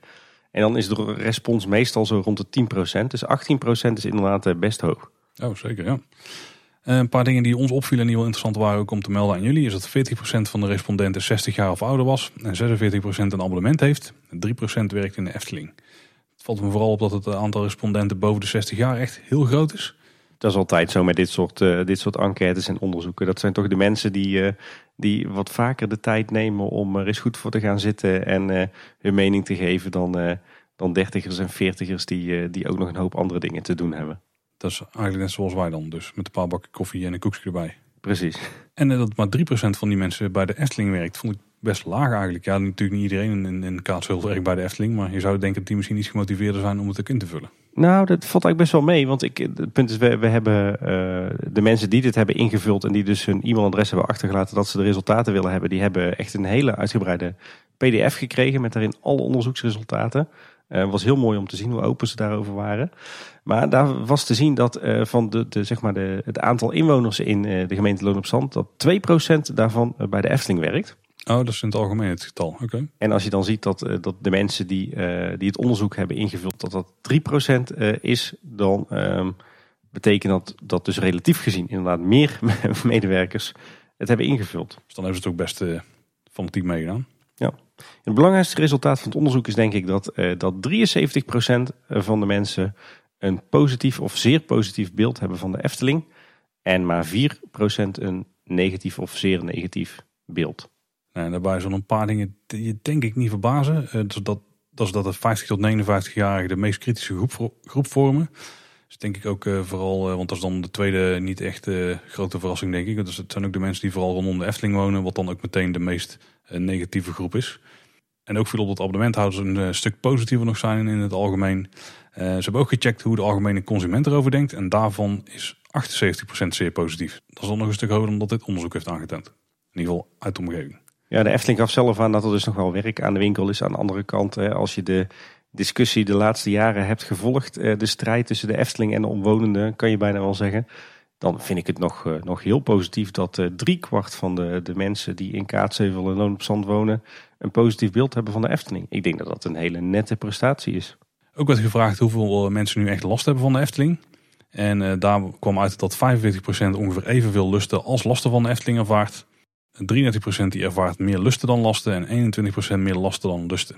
Ik vond dit wel interessant, maar dan met name omdat heel veel mensen zich denk niet beseffen hoeveel we zouden missen als de Efteling er niet zou zijn. Nee, precies. En dan bedoel ik niet eens qua uh, dat het dan niet zo mooi park in het dorp ligt, maar, maar vooral dat de infra uh, rondom het dorp dan echt stukken slechter was geweest. En dat we waarschijnlijk wel een eentje hadden moeten rijden tot we op een fatsoenlijke autoweg zaten. Of dat je in ieder geval vanuit het dorp op een fatsoenlijke autoweg zat. Nee, dat sowieso. En dan denk ik dat er ook minder voorzieningen in het dorp zouden zijn. Hè. Denk nu aan het Guesthouse Hotel, denk aan de horeca in het centrum. Denk aan de vele uh, verblijfsparken rond het dorp heen. Recreatieve waarde is natuurlijk een stuk hoger. Ik heb dat er een hotel in het dorp zit, dan zal de meeste mensen een worst wezen. Maar als je er nog eens een keer lekker kunt gaan eten, dan is het mooi meegenomen. Ja, precies. Overigens was ik wel een van de mensen die heeft ingevuld dat ik meer lusten dan lasten ervaar van de Efteling. Ik ben ook vrij zeker daarvan. En dat is vooral vanwege de infrastructurele dingen. Want ik denk dat het veel moeilijker was geweest om van de ene kant naar de andere kant van het dorp te komen als de Efteling er niet was geweest. Want dan hadden we geen brede Europalaan gehad die bijna ja, van de ene kant naar de andere kant van het dorp slingert. Ja. Uh, nog wat andere interessante dingetjes uit uh, de uitslag van dit onderzoek. Uh, een belangrijk aandachtspunt is toch nog steeds het beter informeren van de buurt. Alhoewel ze eigenlijk een, een, een kleine steek onder water gaven dat het toch niet voor niks bijvoorbeeld een burenbericht is waar je je voor aan kunt melden. Maar goed, mensen weten dat blijkbaar niet. de Duincourier, ons lokale suffertje, blijkt nog steeds de belangrijkste bron van informatie te zijn voor, voor de inwoners van de gemeente. heel ouderwets, maar ja, zo werkt het dan blijkbaar toch nog steeds. De podcast kwamen niet eens terug op het lijstje. Nee, podcast niet. Nee. Hmm. Jammer hè? Jammer. Wel sociale media. Misschien dat wij dan ook onder vallen. Ah, wat, wat ik ook nog wel opvallend vond is dat de bewoners eh, van onze gemeente over het algemeen eh, positief zijn over het milieubewustzijn van de Efteling en eh, de zorg voor het behoud van de natuur in het park. Maar dat er wel zorgen zijn over het natuurbehoud in de omgeving van het park. Hmm, ik snap denk ik wel wat ze bedoelen. Ik denk dat mensen het, een deel van de mensen het heel jammer vindt dat de weilanden gaan verdwijnen of zo. Ja, ik denk, ik denk dat men dat uh, met, met, name het feit dat er uh, ooit bosgebied is opgeofferd voor Bosrijk en het Loonse Land, dat mensen misschien nog wat steekt. Omdat dat vaak de plekken zijn waar mensen met de hond gingen wandelen, gingen mountainbiken, et cetera. Ja. Ik kan zeggen, want Bosrijk is qua natuur niet heel hard op achteruit gegaan. Nee, ik denk eerlijk gezegd dat qua biodiversiteit dat, uh, dat het eerder allemaal erop vooruit is gegaan. Ja. Uh, de, de, het was eigenlijk het meeste doen rond uh, het, het, onderwerp bedrijfsgroei en ontwikkeling. Verrassend? Nee, ook niet. Nee. uh, viel op dat er werd ook gevraagd van welke elementen vind je nou wel of niet belangrijk. Nou, dit was dan het, het, element wat het laagst scoorde. De inwoners waren er ook het minst positief over van alle elementen. Mensen die de enquête hebben ingevuld, die geven aan dat ze denken er een duidelijk beeld over te hebben. Maar de kennis die mensen hebben is niet altijd juist. Eh, zo weet eh, men niet wat er met de winst gebeurt van de Efteling. 7% denkt zelfs dat dat eh, in de zak van de directie verdwijnt. Oh, oké. weten maar heel weinig mensen over het bestaan van de stichting Natuurpark de Efteling en wat die doet. En eh, zijn de meningen erg verdeeld over het feit dat eh, de winst eigenlijk altijd wordt teruggeïnvesteerd in het park. Eh, een deel van de mensen zijn er heel positief over, want die zeggen dat is goed voor de groei. En een deel van de mensen zegt, daar ben ik juist negatief over, want moet het nou altijd groter? Ja, daar gaat specifiek over het uitbreiden. Niet dat ze de winst weer investeren. Nee. Oké, ja. Nou, het is wel duidelijk aan welke kant wij staan, denk ik. Denk het ook. Kijk, dit, dit onderzoek kan wel eens aangeven wat er gaat gebeuren in bijvoorbeeld het krantje wat ze binnenkort gaan verspreiden. Of dat informatieblad. Het kan goed zijn dat ze daar nu in gaan uitleggen hoe die structuur in elkaar zit. En wat het doel van de stichting is, et cetera, et cetera. Ja, volgens mij werd er ook al uitge- aangekondigd in, de, in deze uitkomsten dat ze dat inderdaad eh, gingen doen. Dat ze dus gaan inzoomen in eh, de eerstvolgende mailing eh, op de zaken die, ja, waarvan in dit onderzoek toch blijkt dat er weinig kennis van is. Ja. Want dat werd inderdaad ook aangegeven in de mail die erbij zat. Heel veel mensen hebben aangegeven dat, om het te waarderen dat er post van de Efteling komt. Dus binnenkort komt er inderdaad ouderwets post op de mat bij iedereen die in onze gemeente woont. Eh, en dat wordt volgens mij een soort krantje. En eh, daarin gaan ze het dan hebben over eh, de uitslag van de, de zitting bij de Raad van State en wat daarmee gaat gebeuren. En dus ook deze enquête. En, en daarbij wordt er ingezoomd op een aantal aspecten. Ik geloof ook op het, het maatschappelijk bewustzijn van de Efteling. Hè, wat ze allemaal wel niet doen voor de dorpen en sponsoren. Eh, want daar was ook nog weinig kennis van. Dus eh, dat komt er allemaal in terug. En eh, nou, wij gaan dat ook hier op de deurmat krijgen. En dan zullen we er eens rustig doorheen gaan bladeren om te kijken wat er nog voor interessants uit te vissen valt. Jazeker. Ja, en dan zijn we aanbeland bij de tweede golf. En dan bedoelen we niet de autoke van Volkswagen, maar helaas de, de nieuwe coronacrisis golf die er aan lijkt te komen. Waar we eigenlijk al middenin zitten volgens mij. Ik wou net zeggen, als je de, de cijfers ziet, dan zitten we er volgens mij middenin inmiddels. Volgens mij op dit moment het land met de meeste besmettingen, of in ieder geval geconstateerde besmettingen per 100.000 inwoners. Dus dat is eh, toch echt een titel waar je trots op mag zijn, denk ik. Ja, nou ja. Maar in ieder geval, de overheid die heeft nieuwe maatregelen aangekondigd. En dat heeft natuurlijk ook invloed op de Efteling. Tenminste, dat zou je denken. Maar we zullen eens gaan kijken wat het nou precies voor eh, invloed op de Efteling heeft. Ja, nou ja, de hele spannende was eh, natuurlijk de, de persconferentie die recent plaatsvond eh, met eh, Mark Rutte en Hugo de Jonge. En eh, daarin werd voor het eerst eh, trouwens ook de Efteling eh, letterlijk genoemd. Want wat is er namelijk aan de hand? Er zijn inmiddels nieuwe regels eh, weer ingesteld met betrekking tot, eh, tot groepsgrootte bij bijeenkomsten. Ehm, het is namelijk zo dat je bij buitenactiviteiten nog maar met maximaal 40 mensen mag samenkomen en eh, binnen activiteiten 30 man. Eh, maar voor pretparken, kermissen en dierentuinen verandert er voorlopig niks. Eh, dat zijn namelijk plekken die door het kabinet worden aangemerkt als doorstroomlocaties. Mhm. En Mark Rutte die zei daar letterlijk over. Dat zijn plaatsen waar mensen simpel gezegd niet stilzitten, maar bewegen. Daar gelden de maxima van 30 en 40 niet, want dat zou tot bizarre situaties leiden. 30 personen in het Rijksmuseum of 40 in de Efteling is natuurlijk redelijk absurd. En ik weet nog wel op het moment dat Mark Rutte Efteling zei dat ze een beetje mijn hele Twitter ontplofte. Ja, maar niet met de inhoud van wat hij nou zei. Nee, precies, maar met name dat, het, dat de Efteling genoemd werd op nationale tv. Want dat gebeurt zelden. Dat betekent dus dat er wat betreft de capaciteit van de parken eh, voorlopig niks verandert. Eh, ja, wat er eigenlijk vooral toe doet, is dat het mogelijk moet zijn en moet blijven om eh, altijd anderhalve meter afstand te houden tussen gezelschappen onderling. Eh, om die coronabesmettingen natuurlijk tegen te gaan. Maar dat, dat lijkt in ieder geval, tenminste vanuit overheidswegen, niks te veranderen aan de openstelling en de capaciteit van, van de pretparken, waaronder de Efteling. En dat was ook best wel een, een opluchting, moet ik zeggen. Ja, ze geven ook aan dat het weer in overleg met de veiligheidsregio's bepaald moet worden. Hoeveel bezoekers er toegelaten mogen worden. Ja, onze collega's van eh, de podcast Team Talk, Thomas en Maurice, die hadden trouwens uit de noodverordening van de veiligheidsregio Midden- en West-Brabant gehaald dat er eh, een nieuw maximum zou gaan gelden voor het aantal bezoekers in eh, onder meer de pretparken in onze regio. Maar hoe hoog dat maximum dan is, dat heeft de veiligheidsregio niet toegelicht. En ik heb daarna er eerlijk gezegd ook niks meer over gehoord. Nee, het is ook wel echt de meest vage manier om zoiets te melden. Want een nieuw maximum, dus ook niet eens een lager maximum. Of dat is eigenlijk de meest logische dan Ja. natuurlijk. Maar het kan bij wijze van spreken ook hoger zijn. Dan zou het nog steeds nieuwer zijn. Dus dat is ook een bijzondere manier om het eh, te melden. En betekent dat dan iets voor dat, dat percentage van 50%, wat natuurlijk nooit echt is opgelegd door de veiligheidsregio, maar wat meer vanuit de parken zelf komt? Ja, daar zou in theorie natuurlijk al hoger kunnen zijn geweest. Wat de veiligheidsregio eerst eh, eh, oplegde. Hm. Ja. Nou, we hebben er in ieder geval niks van gehoord. Dus ja, wat het waard is, weten we niet. En er lijkt niet heel veel veranderd te zijn wat dat betreft, denk ik. Nou ja, er zijn wel een aantal dingen veranderd hoor. De afgelopen uh, twee weken uh, viel mij op. Ja, maar niet qua reserveren, hoeveel mensen mogen reserveren nee. bijvoorbeeld. Tenminste, dat idee krijg ik niet.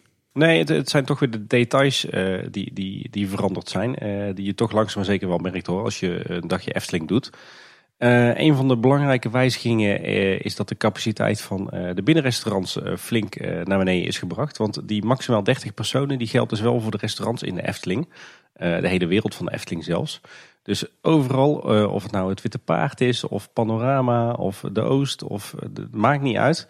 je mag overal nog maar met 30 personen tegelijkertijd eten in een restaurant. En dat is toch best een bizarre situatie. Want dan zit je dus af en toe in, uh, in toch behoorlijk forse restaurants met maar heel weinig man. Ja, dit kon wel beter gecommuniceerd worden, want wij hebben gewoon 10 minuten staan wachten voor uh, Panorama, voor uh, à la carte.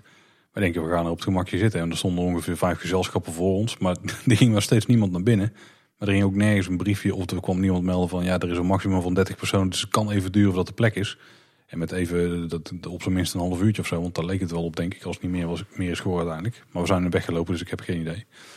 En het is volgens mij wel zo dat het 30 personen per ruimte is. Ja. Dus als je een ruimte kunt splitsen op een manier, dus volledig kunt splitsen, dus niet met gewoon een schermpje ertussen op hoofdhoogte zeg maar, dan mag je in principe dus meer mensen er kwijt. En we hadden wel wat gehoord van iemand die uh, in Panorama ook wat activiteit zag met bouwtekeningen en dat soort zaken. Misschien hebben ze wel plannen om die ruimte te scheiden bijvoorbeeld. Maar dat zou ook voor andere restaurants kunnen gelden. Maar bij Panorama kan het nog relatief simpel denk ik. Nou, nee, wat, wat bij Panorama natuurlijk het grote voordeel is, hè, het, oude café-restaurant ook wel genoemd, eh, is daar heb je natuurlijk eigenlijk al drie aparte zalen. Hè. Je hebt eh, Panorama Self-Service en eh, Panorama à la carte. En wat je daar natuurlijk ook nog hebt, is, uh, is bovenin wat vroeger de Wolkenvader heette en wat nu volgens mij de Panorama Lounge heet. daar heb je natuurlijk ook nog een enorme zaal. En dan heb je eigenlijk drie restaurants in één gebouw, dus heb je drie keer 30 personen capaciteit. want jij bent bij de Wolkenvader geweest, hè? Ja. Maar hoe was het daar geregeld? Was het daar dezelfde kaart als beneden? Was het uh, buffet? Was het afval? Was het uh, à la carte? Het was uh, beneden bij, bij de self-service gewoon je eten halen en dan mocht je naar boven lopen. Dus je kwam eigenlijk, je werd zeg maar ingedeeld in het halletje beneden. Hè, als je, je kon daarvoor voor de à la carte kiezen of voor self-service. En koos je voor self-service, dan kreeg je een, een tafelnummer mee. Of beneden of boven. en zat je boven, dan koos je daar eens je tafeltje uit. Ging je daar zitten en dan mocht je naar beneden lopen om daar je eten te halen. Oké, oké. En dat werkte eigenlijk best wel goed. Er werd ook volop gecommuniceerd tussen personeel onderling. Van joh, welke tafels zijn weer vrij en schoon. Uh, laat maar weer zoveel mensen toe. Dus dat uh, was echt een geoliede machine. Ja, feit blijft natuurlijk wel dat de binnencapaciteit van de horeca... met maximaal 30 man per restaurant is natuurlijk wel minimaal nu. Hè? Dat is echt heel weinig, ja. Maar goed, het, uh, ze kunnen niet anders. En ik denk dus dat we ja, steeds meer buitencapaciteit gaan zien. Denk ik ook straks in, in de winter. Hij was ook geïnspireerd door jouw bezoek en onder andere ook door een van jouw voorspellingen, denk ik in de vorige aflevering, om eens een uh, vraag weer Twitter op te slingeren. En die ging over de toekomst van het café-restaurant. Ja, dat kwam vooral eigenlijk door, mijn, uh, door het feit dat ik een uurtje uh, lunch heb doorgebracht in, op de bovenste verdieping van Panorama. In wat vroeger dan de Wolkenvader heette. Ja, ik kan er niks aan doen, Paul. Ik weet dat jij mij voor de gek gaat verklaren. Maar wat een heerlijke ruimte is dat. nou ja, ik heb er ook wel eens een, een leuk feestje gehad hoor. Dus ik snap wel wat je bedoelt, ja ik moet zeggen, een paar jaar geleden hebben ze die uh, opgeknapt. Dus aanhalingstekens met, met heel veel bruintinten en heel veel hout. Dat had ik nooit gedaan. Maar uh, in de basis hangt er echt nog wel de jaren 50 vibe. Hè? Met die, die prachtige grote glazen puien. Met die kozijnen, met die ronde kozijnen. Met zo'n mooi dakterras. Met nou, misschien wel het mooiste uitzicht van alle, alle Efteling restaurants. Ik zit hier enorme aircodes te maken rondom een prachtige glazen pui. Maar ja. Ja, nou, nou ja, ik vind dat mooi. een hele hoge zaal is dat ook. Uh, en, en als je goed kijkt, uh, je, je, kijkt rond de bruintinten heen, dan zie je ook nog heel veel van die mooie details uit de jaren 50 uh, zitten. Ja, ik heb daar met mijn gezelschap gezeten en echt zitten fantaseren van, joh, alles lekker wit sauzen, een mooi groen lambriseringje, mooie vloer erin, een mooi spanplafondetje erin, gouden details. Dan heb je daar volgens mij echt wel een een, eh, een lekkere jaren 50 vibe uh, die wel gelijk modern is. En dan heb je daar volgens mij een heel mooi restaurant. Maar inderdaad, dat inspireerde mij om nog een, een peiling online te gooien via Twitter. En wij vroegen daarin van ja, hoe zien jullie de toekomst van het café-restaurant nou, nou voor jullie? Wat, wat is nou de juiste optie? er werd 311 keer op gestemd. en tot mijn grote vreugde, het merendeel, 40% van de respondenten, die koos voor het renoveren van het restaurant in het, het originele jaren 50 thema. Uh, eh, 34% koos voor slopen en het bouwen van een nieuw ander restaurant. Daar zal jij op geklikt hebben dan, Paul, denk ik. Ik mocht niet stemmen. Uh, jawel, je had met jij uh, Ed Paul Sprangers uh, account kunnen stemmen. Hè? Had ik kunnen doen. Hm. Daar had ik daar wel op geklikt, denk ik. Ja, maar dat ja precies. Nee. Ik ken jou al langer dan vandaag. Uh, 20% koos nog voor renoveren van het huidige gebouw in een ander thema. En 6% vond het al genoeg als er alleen wat onderhoud plaatsvond. Ik vraag me wel af, hè, want ik zag ook wat uh, moodboards langskomen van hoe het er dan eventueel uit zou kunnen zien. En een paar voorbeelden waarbij ze hetzelfde trucje hebben gedaan op andere plekken. En dan bedoel ik dus het renoveren in het jaren 50 thema. Ja, dat kwam voornamelijk van, uh, van Friso, Friso Geerlings. Hè. Die, uh, die kwam bijvoorbeeld op de proppen met de stationsrestauratie van Eindhoven Centraal. Ja, ik zag nog wel wat andere luisteraars langskomen die volgens mij ook vergelijkbare plaatjes deelden. Maar wat, zou het bij de Efteling opleveren? Want ik denk dat de reden dat het ding in de jaren 50 thema heeft, is gewoon wanneer die is gebouwd. En, en ja, dat is gewoon hoe het toen was, zeg maar, hoe dingen er toen uitzagen. Maar was het, was het doel zijn van de Efteling om het op die manier te doen? Nou, dan denk ik dat je daar een heel uh, mooi, uh, chic, stijlvol, subtiel restaurant hebt. Wat zich prima leent bijvoorbeeld voor, uh, voor wat luxe dining opties. Maar waarom zou je het dan in de jaren 50 stijl doen? Want er zijn er nog heel veel andere varianten waarbij het ook chic en stijlvol en subtiel kunt doen, maar die dan, die dan iets dichter liggen bij de Efteling-identiteit. Nee, ik denk dat, dat en dat dat veel beter aansluit bij, uh, bij de, de, zeg maar de, de stijl, de ontwerpstijl van het originele gebouw. He, dus dan ga je echt terug naar de oorsprong. Uh, daar is het ooit voor ontworpen. Dus dan, dan klopt het ook voor je gevoel. En ik denk dat dat een mooi eerbetoon is aan juist de rijke geschiedenis van het, het park. Hmm. En het hoeft niet allemaal uh, themameuk te zijn. Hè? Ik bedoel, het Witte Paard, eh, de, de laatste restyle van het Witte Paard, is in feite ook uh, terug naar het origineel. Terug naar het Witte Paard van 1975. Uh, eh, weliswaar op een moderne manier. En ja, ik zou heel graag zo'nzelfde behandeling voor het café-restaurant gaan zien. Ja, maar het Witte Paard is nooit gebouwd als een gebouw uit 1975, zeg maar. Want dan had het waarschijnlijk heel anders uitgezien met iets meer beton en zo. Dat is een beetje het punt, weet je wel daar hebben ze geprobeerd om een bepaald, een bepaald sfeertje neer te zetten. En het café-restaurant is gewoon gebouwd als ja, een café-restaurant. Eigenlijk bijna letterlijk in de jaren 50. Nou ja, ik, ik denk dat we daar nog eh, uren over kunnen doorpraten, Paul. Laten we daar vooral uh, onze luisteraars niet mee, uh, mee vervelen. Uh, maar het was, het was, een leuke uitslag van de peiling. Vooral omdat... nee. nou, als we er ooit daar gaan beginnen, dan gaan we het er uitgebreid over hebben. Maar we dwalen licht af. Ja, precies. het gaat natuurlijk over de coronacrisis en de nieuwe maatregelen. Ja, uh, want een andere belangrijke maatregel, uh, waar ik zelf uh, trouwens ook mee geconfronteerd werd zonder dat er over gecommuniceerd was, is dat de verblijfsaccommodaties, en dan in ieder geval de restaurants van de verblijfsaccommodaties, weer niet langer meer toegankelijk zijn voor niet-verblijfsgasten. Want wat, wat, nu het geval is, is dat alleen gasten van de hotelkamers nog welkom zijn in de restaurants. En dat heeft ook gewoon te maken met die capaciteit van maximaal 30 personen. En als je in een vakantiehuisje verblijft, dan moet je dus zelf voor eten zorgen of in het park eten. En gasten in Bosrijk die kunnen dan ook nog een ontbijtje laten bezorgen. Die optie was er altijd al, maar daar wordt volgens mij niet heel erg op ingespeeld. Ja, maar inderdaad, eh, plekken als eh, de proeftuin in het Loonse Land, het eethuis in Bosrijk en de gelachkamer en eh, de Hofelijke uit het Efteling Hotel. Daar mocht je sinds een maandje ook weer gewoon lekker gaan lunchen of dineren als je niet sliep in, in een van die accommodaties. Heb ik ook veelvuldig gebruik van gemaakt, moet ik toegeven. Maar uh, ja, na een maandje is dat helaas niet meer zo. Even zorgen dat de cijfers weer wat positief worden en dan mag je weer, Tim. Ja, en uh, de Efteling was, was vergeten daar zelf over te communiceren. Maar uiteindelijk is dat via loopings onder meer toch alweer verduidelijkt. Maar ja, wat mij betreft wel, wel, wel zonde en ook niet helemaal nodig. Want weet je wat het is? Ik, wat ik al zei, ik ben op mijn thuiswerkdagen een aantal keren bijvoorbeeld gaan lunchen op Bosrijk in het Loonse Land. En als je dan, uh, dan tussen de middag daar, uh, daar, daar wat gaat eten, dan zit je gewoon helemaal alleen. Kijk, ik kan me voorstellen met het, uh, het ontbijt en diner dat het natuurlijk best wel lastig is om, om iedereen te bedienen. in verband met die maximale capaciteit van 30 personen.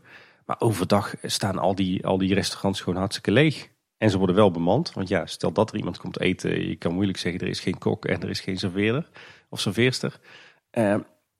ja, dan zou ik toch zeggen, sta dan bijvoorbeeld wel toe uh, aan, aan, voorbijgangers om, om te lunchen uh, in Bosrijk of het Loonse Land. Ik bedoel, iedere euro omzet die je daar hebt is mooi meegenomen, toch? Ja, misschien dat ze op dat moment geen mensen inplannen en dat ze daar dan kosten mee besparen. Dat die niet opwegen tegen de hoeveelheid mensen die langskwamen. Ja, maar ja, dat doen ze dus wel. Die, die, die personeel staat er wel. Ja, bij de balie. Maar zouden ze dan bijvoorbeeld de koks op dat moment hebben? Ja, in principe. Als jij daar komt inchecken om drie uur en je wil een, een tosti of een uitsmijtertje, dan kan je hem ook gewoon bestellen. Dus. Nou, daar zullen er vast een goede reden voor hebben. Ja, in ieder geval jammer. Uh, maar goed, wat je al zegt Paul, uh, hopelijk uh, trekken de cijfers weer snel bij. En kunnen we hier ook weer gewoon als niet-verblijfsgasten terecht. Ik weet overigens niet of je nu wel gewoon op, de, op het park zelf mag. Of je van de, de speeltuintjes gebruik mag maken. Bijvoorbeeld in Bosrijk het Loonse Land. Dat was tijdens de eerste coronagolf niet het geval. Maar ik heb nu nog niet echt borden gezien bij de ingang van, van de vakantieparken dat je er überhaupt niet welkom bent als je het niet slaapt. Dus misschien dat we wel gewoon nog de parken op kunnen lopen en gebruik kunnen maken van bijvoorbeeld de vele speeltuintjes. Wat in ieder geval wel toegankelijk blijft is het, het Keienspoor. De, de wandeling door het natuurgebied wat zeg maar grenst aan het Loonse Land. Dus je mag ook, ook altijd gewoon op het Loonse Land komen om naar het Keienspoor toe te lopen. En nee, ik ben toevallig afgelopen weekend ook nog eh, bij een andere verblijfsaccommodatie van de Efteling geweest die gewoon toegankelijk is. Ja, dat, moet dan uh, eentje zijn die dan alleen niet meer echt gasten ontvangt. nee, inderdaad. Nee, we zijn nog een lekkere herfstwandeling gaan maken op het terrein van het oude Kraanven. Het oude bungalowpark uit de jaren 60. maakt nu onderdeel uit van, van het natuurgebied Huis ter Heide van Natuurmonumenten. Maar als je goed oplet, dan kan je daar nog steeds eh, de restanten zien van het, eh, het oude bungalowpark van de Efteling dat daar vroeger lag. Het is toch altijd net even een beetje, een beetje extra leuk om, als je dan toch een boswandeling maakt, om die dan op het Kraanvent te doen. Wat op dit moment ook meer plaatsvindt, wat we net al aanhaalden, is, is de parkshow in het Efteling Theater. Dus de Sprookjesboom concert. Ik, ik trap er nog steeds in. Ik wil heel het Sprookjesboom Zomerconcert zeggen. Zo zo ingestampt in, in de zomer. Dat is een goed ingestampt inderdaad. Ja, omdat er dus maar 30 personen in de zaal zouden mogen. Ja, dat is gewoon echt niet de moeite waard. Kijk de Efteling Theaterzaal. Dat is echt een enorme zaal. Als je daar 30 man in zet, dan heb je echt voor je gevoel een privéshow volgens mij. Eh, als alternatief heb je wel in de weekenden en de vakanties nu een kleinschalige Sprookjesboomshow in het Sprookjesbos Theater. En daar mogen dan iets meer mensen in dan, uh, dan daar omdat het buiten is. Dus ik denk dat daar dan 40 mensen in mogen. Wat nog steeds niet heel veel, nee. ook niet heel slecht voor dat theater. Maar kostentechnisch is dat wel uh, wat beter verdedigbaar, denk ik. De, oh ja, dat is sowieso die show ook iets goedkoper, denk ik. Ja, ik denk het wel. Ja, dit is heel begrijpelijk hè, gezien de corona-richtlijnen, maar het is ook wel zo zonde. Hè. En dit was zo'n ongelooflijk leuke, goede show. Dit was zo'n tof initiatief. Hij kan ook gewoon nog terugkomen. Oh ja, dat, uh, daar geloof ik zeker en daar hoop ik ook op. En dat zou me ook niks verbazen, want dit was zo'n goed idee en zo'n goede productie.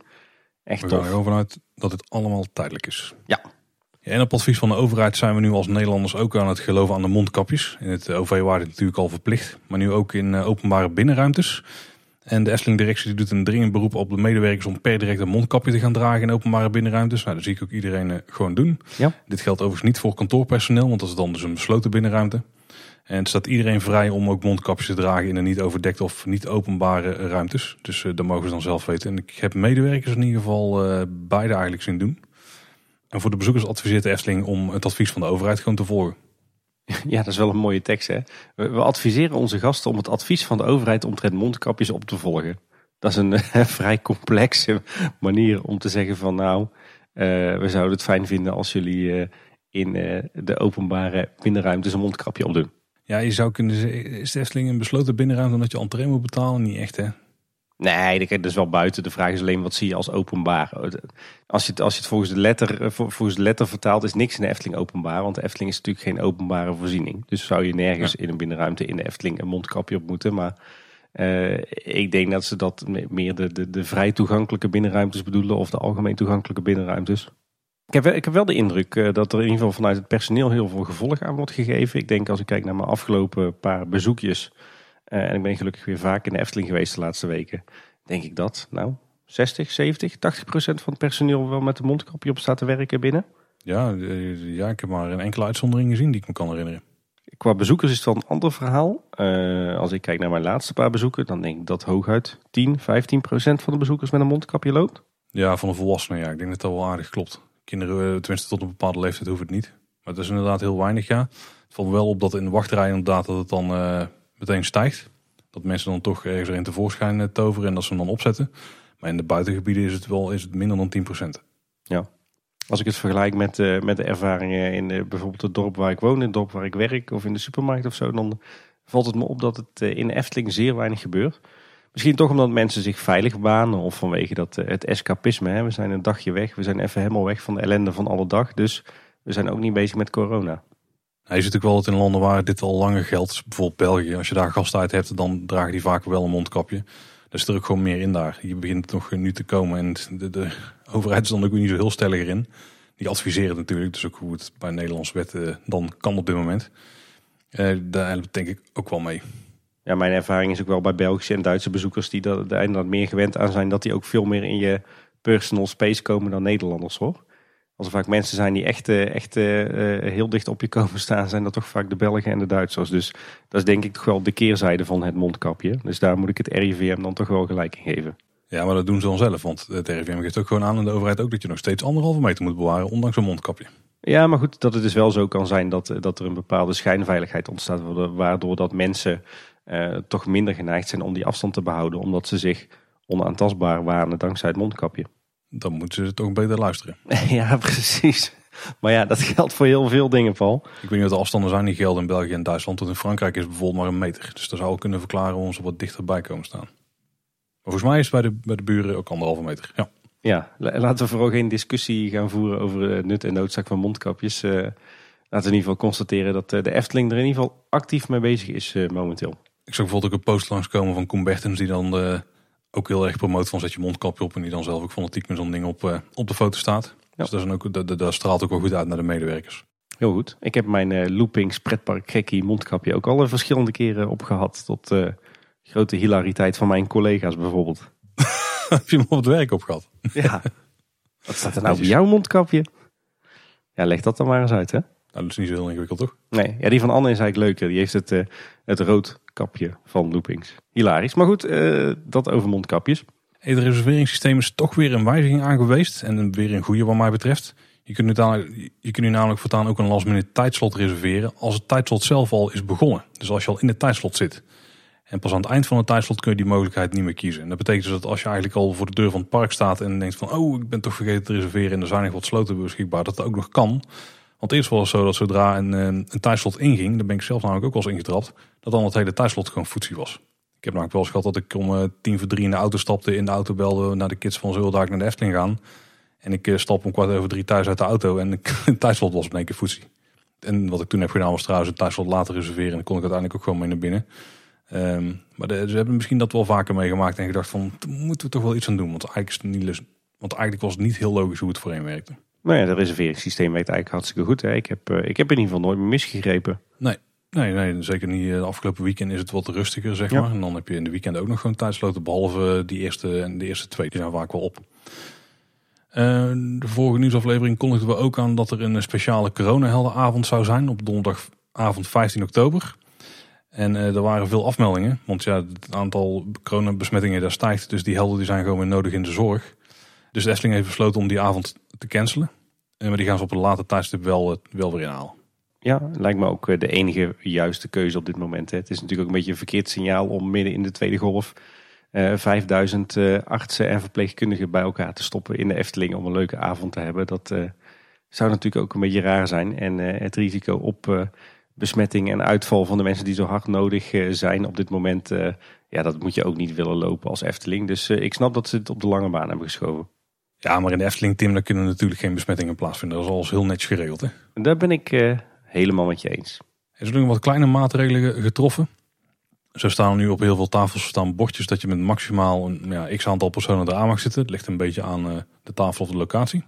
En uh, bij Carnaval Festival is het, uh, het winkeltje bij de uitgang, het winkeltje Confetti, is weer geopend. helemaal voorzien van de nodige spot- en kuchschermen. Ze hebben zelfs eigenlijk zeg maar de, de, de, de doorlopende de route richting de uitgang en het winkeltje zelf hebben ze van elkaar gescheiden met spatschermen. Dus dat hebben ze heel serieus aangepakt en ook mooi in thema. Want de spatschermen zijn vervolgens ook helemaal bestickerd in Carnaval Festival thema. En er wordt in het Carnaval Festival ook extra gelucht. Want het viel me op dat er uh, laatst in de Nederlandse scène een nooddeur open stond. Nou, die eh, kan niet per ongeluk openstaan, want daar geeft het systeem een, een waarschuwing op. Dus ze zijn daar extra aan het ventileren, wellicht ook in verband met corona. Viel me wel op, wij stonden in de wachtrij, in die, die tijdelijke wachtrij op het personeelsparkeerterrein. En we lopen langs, zij, we lopen langs die openstaande deur. En er komt ineens echt zo'n zo'n walm van warme, muffe lucht naar buiten. En ik, ik haal een keer diep adem. En het is echt die, die, die klassieke carnaval lucht, weet je wel. Als je die, die zou ruiken, bij wijze van spreken, op een totaal andere plek, op een totaal ander moment, dan heb je meteen te pakken. Dat is zo'n kenmerkende lucht. en die kwam daar dus ineens volle bak uit die deur naar buiten. Ik moest daar wel om lachen. Ik denk, ja, zo typerend zijn de Efteling luchtjes dus. En als laatste hoofdonderwerp een minder nieuwtje. Er kwam redelijk, redelijk kort op het opnemen van deze aflevering kwam dat nieuws naar buiten. En dat is dat woensdagmiddag 7 oktober ongeveer om half vijf een kind bekend komen te zitten in Symbolica. Waarschijnlijk eh, stapte hij iets te vroeg uit. Ja, reed de voertuig door en eh, kon hij toen klem te zitten. Hij werd bevrijd door hulpverleners en met een ambulance is hij afgevoerd naar het ziekenhuis. Attractie is op dit moment, ja, is uiteraard gesloten, want het park is dicht. Maar hij is daarna ook meteen gesloten natuurlijk. En het eh, plein is afgezet en er waren nog wat hulpdiensten ja, richting de attractie gekomen. Dus de slechte afsluiter van de dag. Ja, inderdaad. Um, een heel na ongeval. Ja, je vraagt je toch af wat is er dan gebeurd? Want ja, in principe is het allemaal zo afgezekerd dat er dat zoiets eigenlijk niet mag en kan gebeuren. Uh, en ik weet hoe serieus de Efteling met veiligheid omgaat. Het, uh, er wordt echt niks aan het toeval overgelaten. Het enige wat ik me hier kan, over, kan voorstellen, als je vanuit de vanuit de Koningszaal en die portrettengalerij richting de uitgang rijdt, dan, dan rijdt op een gegeven moment je fantasievader langs het platform, zeg maar, waar je kan uitstappen. En ik kan me voorstellen als je van tevoren opstaat en je, je steekt alvast je voet of je been naar buiten, dat je tussen de fantasievader en dat, dat randje komt te zitten. Nou, heel naar, terwijl ik het zeg, krijg ik er koude rillingen van. Dat is het enige wat ik me ervan bij kan voorstellen qua beknelling op die plek. Ik heb ook zo'n vermoeden. Kijk, en als je echt te vroeg uitstapt en je valt of zo, dan zou je in theorie onder de fantasievaarder die er achteraan kon gekomen. Maar er zitten allemaal sensoren. Volgens mij als daar een papiertje op de grond ligt, dan kan het al zijn dat die ja, stopt. klopt. Die zijn, daar, eh, die zijn daar echt op beveiligd. Het kan natuurlijk nog zijn dat je er net onder zit of zo of iets. Dan, dan zal het niet zo heftig zijn zoals het nu leek te zijn. Maar we weten dus niet wat er precies met die jongen gebeurd is of hoe ernstig het is. Uh, wel dat hij naar het ziekenhuis moest. Uh, maar er gebeurt ook natuurlijk in geval dat er niet iets heel... Tenminste, als je lichtgewond bent, dan kan het ook nog zijn dat je in het ziekenhuis moet. Maar ben bang dat het misschien wel eens wel vervelender kan zijn dan een schrammetje of zo. Ja, de, misschien dat we er de komende dagen wat meer van horen. Ik denk eerlijk gezegd van niet. Ik eh, denk dat ze hier zo min mogelijk aandacht aan proberen te besteden. In ieder geval een heel naar voorval. En, uh, en in, de, in de basis natuurlijk ook altijd goed om te weten... blijf ten alle tijden zitten en hou al je ledematen binnen het voertuig waar je in zit... als je in een attractie zit, om het even welke attractie of welk park... altijd gewoon alles binnenboord houden. Dan, uh, dan gebeuren zulke soort dingen niet. Helemaal mee eens. Dan het eh, onderhoud, Tim. Brand los, brand los. Um, gaan we eerst naar de Pardoespromenade. Uh, daar hebben we de waterbak met, uh, met de fonteintjes. Die is inmiddels weer gevuld. De fonteintjes die werken weer. Er waren natuurlijk zoveel problemen met die natuursteenplaten op de rand hè, die iedere keer loskwamen. die zijn weggehaald. Ze hebben nu ook alle specieresten van de rand gebikt. Dus nu zijn ook de dranghekken weg en kan je in principe gewoon op de bovenkant van, van het metselwerk lopen zonder dat daar een natuursteenrand op zit. Ik vermoed dat uh, in de toekomst dat hier wel een natuursteenrand netjes terug gaat komen, maar dat dit uh, voor nu even de semi-permanente oplossing gaat zijn. Ze wachten waarschijnlijk op een aanbieding van natuursteen. ja. Uh, dan Symbolica. we berichten de vorige keer al dat de pruik van OJ Punctueel in de voorshow was vervangen. En nu zagen we ook foto's dat de pruik van uh, Punctueel in de Schattenboudoir is vervangen. Dat is een van die, uh, die animatronics die later is toegevoegd om het, uh, het verhaal wat beter naar voren te brengen. In de Fata Morgana berichten we de vorige keer over een aantal defecten aan animatronics na de laatste onderhoudsronde. maar die defecten die zijn inmiddels allemaal opgelost. Alle animatronics werken weer als een zonnetje. Uh, alleen het eind van de attractie is nog een beetje een rommeltje. Want uh, in de stormsectie daar, uh, daar kraken de speakers enorm. de kantelkamer die, die staat stil. er is geen rook natuurlijk. daardoor zie je ook geen lasers. En een aantal van die plofpotten waar, die ervoor zorgen dat het water opspat. die zijn defect. Dus ja, de ervaring is daar minimaal in die ruimte momenteel. Dan gaan we door, uh, lopen we verder door Anderrijk. En dan komen we uit bij het spookslot. En eh, tot mijn uh, grote vreugde hebben ze aan de achterzijde het, het pannendakje van het oude winkeltje bij Jonas eindelijk gefixt. Dat was zo'n onderhoudsklus die eigenlijk sinds het begin van de coronacrisis bewust was blijven liggen. Inmiddels zijn de dakpannen teruggelegd. Geen idee of, of ook werkelijk het onderhoud is uitgevoerd. Of dat ze hebben gezegd, laat maar zitten, leg die pannen maar terug. Dan is het wel nog zo dat ze aan de achterkant ook bezig waren met al het houtwerk rond eh, de hemelwater afvoeren van het gebouw. Uh, maar dat is nog steeds niet, uh, niet opgelost. Dus daar kijk je nog gewoon op het, uh, het ouderwetse PVC. Omdat het hout nog niet terug is. Wat het normaal gesproken uit het, het zicht ontneemt. En dan in, in de, het spookslot zelf. In de hoofdshow viel mij nog op dat de strijkstok van de viool amper beweegt. En dat Visculamia, de, de heks, een nieuwe pruik heeft. Echt met, met zo'n boblijn. Dus je krijgt er helemaal het, het 70s feeling van past natuurlijk ook wel bij, bij de geschiedenis van de attractie. En wat me verder nog opviel is dat de, de uitgangsdeuren van het spookslot, die, die zijn natuurlijk normaal gesproken dicht. En die gaan automatisch open als je er heel dichtbij in de buurt komt. En om mensen daar nu op te wijzen, misschien heeft het ook wel een klein beetje relatie met, symbool, met, met corona. hangt er nu ook een groot bord op de deuren van de uitgang. En staat er ook een, zelfs een spotje opgericht. Om mensen er maar toe te stimuleren om vooral naar die deuren toe te lopen. zodat ze openen. Dan uh, bij Baron 1898 zijn we inmiddels in het Ruigrijk. Daar viel nog op dat een heleboel trappen en podessen, die echt zo mooi in die industriële stijl waren, met, die, met die, ja, die cirkeltjes erin, die noppen zeg maar, die zijn nu allemaal voorzien van anti-slipplaten. Dat is thematisch gezien heel jammer. Want dat waren echt van die, van die mooie roostertrappen zoals je die in fabrieken zou verwachten. En nu zitten er van die standaard anti-slipplaatjes op. Dus dat is jammer. Uh, maar wat wel mooi is, is dat uh, er uh, eindelijk weer rook komt uit de grote fabriekschoorsteen. En dat fixen ze dan wel, hè? Ja, dan doet het dan weer wel, inderdaad. Of als iemand vergeet om het reservoirtje aan te vullen voor een Zou kunnen. In ieder geval wel een heel vet effect. dan, dan blijven ze toch her en der nog, nog wat oude bomen kappen als dat nodig is vanwege de veiligheid. En zo viel mij nou op dat bij zeg maar de, de, de grote houten brug over de, de Gondoletta sloot zeg maar van de, van de Wensbron richting de Meermin.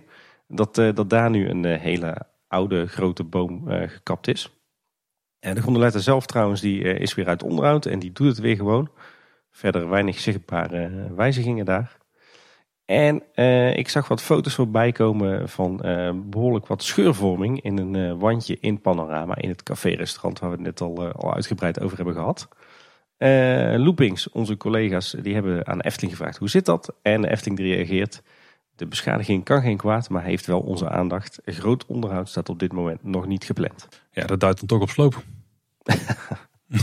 Zou je denken. Uh, ja, goed, op zich zo'n scheur kan natuurlijk door van alles uh, ontstaan. En door, door trillingen, door verzakkingen. Uh, dat hoeft, hoeft ook niet per se iets te betekenen. Ik denk overigens bij dit soort oude gebouwen uh, zie je dat de laatste jaren dat, het, dat er steeds meer verzakkingen komen door, door verdroging. Omdat we zulke warme, droge zomers hebben, droogt de bodem steeds verder uit. En dan zie je toch dat zeker heel wat oudere gebouwen die niet zo goed gefundeerd zijn dat die, eh, dat die beginnen te zakken. En dan krijg je ook dit soort scheuren. Dus het zou me niks uh, verbazen als dat uh, daarmee te maken heeft. Dan komen we aan in het Marenrijk. daar was onder meer te zien dat in Kindervreugd, de speeltuin, dat, dat de draaimolen met de dierfiguren, dat de geit daar weer terug is.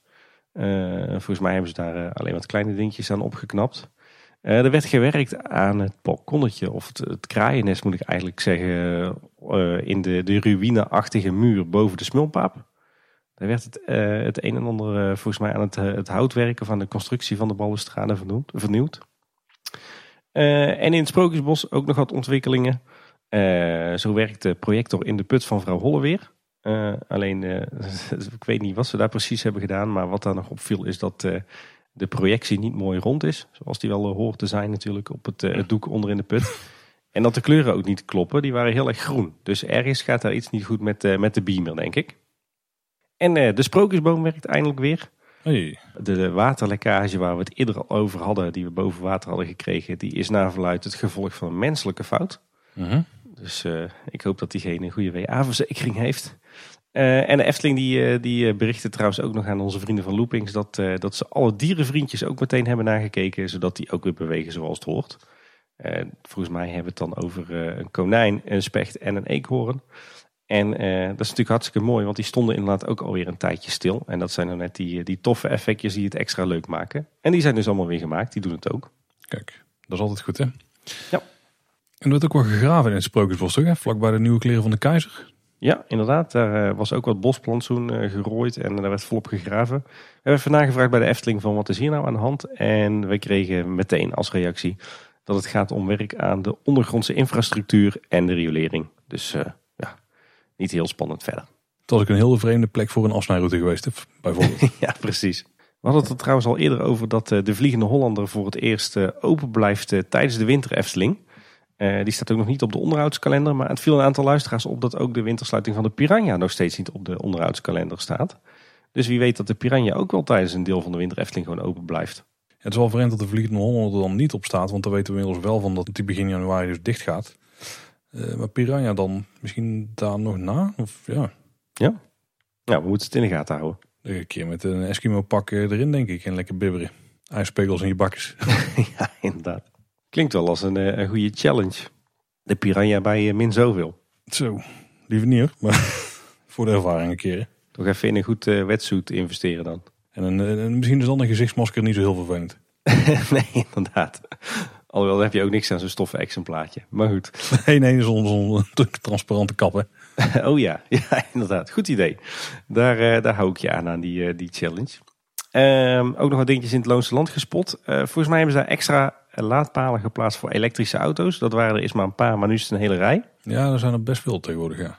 Er viel me verder op, je hebt daar zo'n zo'n duingebiedje hè, met, met ook zo'n hele leuke waterspeeltuin. De, de, afwatering van het gebied, dat was altijd zo dat al het regenwater wat er viel, dat moest gewoon in, het, in de laagtes, in het gras, in de bodem zakken. Maar volgens mij hebben ze daar wat problemen gehad met, met de waterafvoer. Volgens mij hebben daar de paden en misschien wel de huisjes onder water gestaan.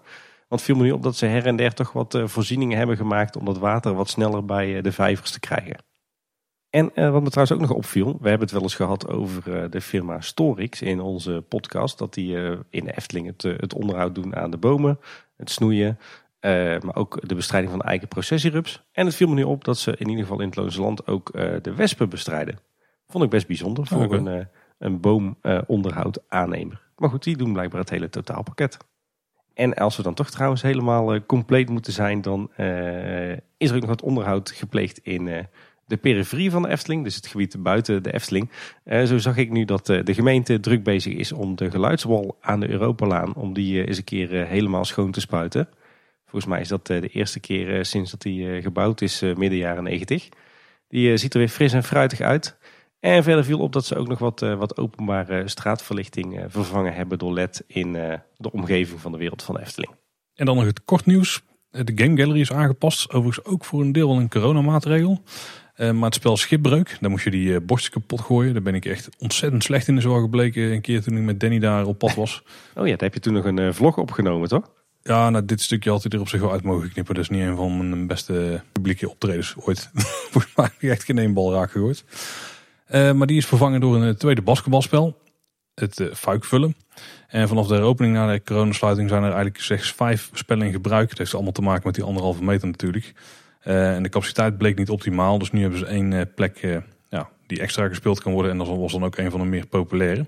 Want dat spel wordt blijkbaar het meest gespeeld. En de schipbreuk een stuk minder. Ehm, we hadden het volgens mij de vorige keer al over dat Jeroen Verheij een nieuwe karakter daarvoor had eh, ontworpen. En dat is inderdaad die vrouwelijke piraat. En die houdt dan de basket vast. Dus die, daar, die is daar verschenen. Ja. is wel jammer, want ik vond dat, uh, dat spelletje met dat bordjes kapot gooien altijd wel heel leuk. Ja, misschien ook financieel ook weer niet zo interessant. Hè? Hoewel je betaalt natuurlijk gewoon ervoor. En blijkbaar gooien niet zo heel veel mensen die bordjes kapot. dat ik niet. nee. Nou ja, ik kan me ergens misschien ook wel voorstellen dat het ook niet zo duurzaam is. Hè? Goed servies kapot gooien. Misschien is het ook wel gevaarlijk hè, met die scherven die, uh, die alle kanten op springen voor het personeel of de mensen die meedoen. Het zou me niks verbazen als er uh, stiekem een andere uh, reden achter zit. Nou, als het blijkbaar niet zo populair is, dan lijkt me een goede reden. Ja, dat is waar. Um, de Online Radio Awards, Tim. Wij zijn niet genomineerd. We hebben ook zeker geen prijs gewonnen. Maar toch heeft een Efteling gerelateerde media outlet wel gewonnen. Efteling Kids Radio heeft namelijk de award voor beste online radiostation gewonnen. En dat is toch best wel een prima prijsje. Super tof nieuws. Echt wel een, eh, een grote prijs inderdaad in online radioland in Nederland. De prijs eigenlijk. Ja, en wat mij betreft ook, ook meer dan verdiend hoor. Want ja, zelfs voor mij als volwassene is het gewoon zo leuk om af en toe Efteling Kids radio te luisteren. Dat is echt, uh, echt wel kwaliteit hoor. Die hebben dat echt goed voor elkaar. We moeten daar eens een keer langs gaan en eens gaan kletsen met hoe dat allemaal werkt. Ik weet daar veel te weinig van af. Leuke, leuke clubmensen ook. Echt toffe DJ's daar. En een hele tijd geleden was die actie van natuurhuisje.nl En dan kon je overnachtingen in de Efteling winnen. Het heeft toen een beetje stilgelegen natuurlijk omdat het park zelf dicht is gegaan. Maar op vrijdagavond 25 september was het dan eindelijk zover. 18 personen die mochten in de Efteling blijven slapen. En wat denk je? Weken, misschien wel maanden naar uitgekeken. En het was gewoon zeik en zeiknat weer. Ja, het was volgens mij ook echt gewoon, volgens mij, eh, we hebben een hele lange Indian summer gehad. Hè? Echt zo'n lekkere nazomer. En volgens mij de, de meest natte nacht in, de, in maanden tijd, dat was die nacht waarop je in de Efteling moet blijven slapen. Ja, en de accommodaties waren, er waren wel een paar huisjes, maar het waren ook vooral tenten en zo. Hè? Ik weet Ja, niet of mensen het echt heel de nacht hebben volgehouden, maar Kartonnen tentjes inderdaad in het gras op het Herautenplein. Ja, het leek mij de meest magische plek om te overnachten. Maar ik vraag me echt af hoe dat eh, geweest moet zijn in zo'n kartonnen tent. In de stromende regen, in het gras. daar hebben we overigens ook nog niks van gehoord, hè, van die kartentactie. Nee, Dat je kartonnen figuren of in ieder geval dingen uit de Efteling moest maken. Ik zag wel een paar goede creaties langskomen. Ja. Nou, daar zullen we binnenkort ook vast wel iets van horen. Want ze halen alles van voor de crisis halen ze nou weer in. Hè? Ja, precies. Eh, Het viel me trouwens wel op dat, dat die mensen die dus in een, eh, in een kartonnen tent of in een blokhutje eh, hebben geslapen, dat die gebruik mochten maken van de accommodaties van het Loonse Landhotel om, om te douchen en op te warmen en te ontbijten. Dus volgens mij hebben ze dat wel aangepast naar aanleiding van de weersvoorspelling. Ja, dat kan, ik me wel voorstellen, ja. Eh, wel heel eh, tof. Er is ook een, een stelletje die ook moest blijven overnachten. En die heeft er een vlog van gemaakt. Dus die eh linken we in de show notes. En dan kun je checken hoe dat eraan toe ging. Ja, was eh, leuk om te zien. Iets wat trouwens heel leuk was om te lezen, eh er kwam vandaag online, of gisteren, een, eh, een uitgebreid interview met, eh, met René Merkelbach, de, de huiscomponist van het Franse Kingoland. Eh, dat staat heel bekend, ja. ja, precies. Eh, nee, de interview natuurlijk met, eh, met onze René Merkelbach, de huiscomponist van de Efteling. Met, met de een of andere Duitse website, airtimers.com. We zullen de link zullen we wel even in de show notes zetten. Maar dat was een, een super lang, super uitgebreid en heel interessant interview met René. Ik heb mezelf nog niet de Google Translate heen gehaald. Want hij is uiteraard in het Duits. Eh, ja, dat heb jij hem gecheckt, ja? Ja, ik heb hem eh, helemaal gelezen zonder Google Translate. Mijn Duits eh, was gelukkig nog goed genoeg. Ja, heel tof. Er zitten heel veel dingen in die we natuurlijk wel, wel weten van René. Mag ook wel na volgens mij drie afleveringen die we met hem hebben gemaakt. Maar toch ook wel wat leuke nieuwe dingen erin. Hij besteedt uitgebreid aandacht aan de link eigenlijk tussen zijn eerdere werk in, in de metal scene en wat hij voor de Efteling heeft gedaan. Eh, ook bijvoorbeeld waarom dat hij eh, eh, telkens voor Anneke van Giersbergen kiest. Ehm, en wat ik heel verrassend vond, is dat hij echt wel ja, zijn liefde uit voor het werk van Ruud Bos.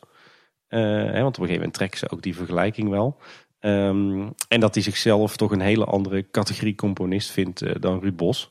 Waarmee dat hij Ruud echt wel op een voetstuk plaatst.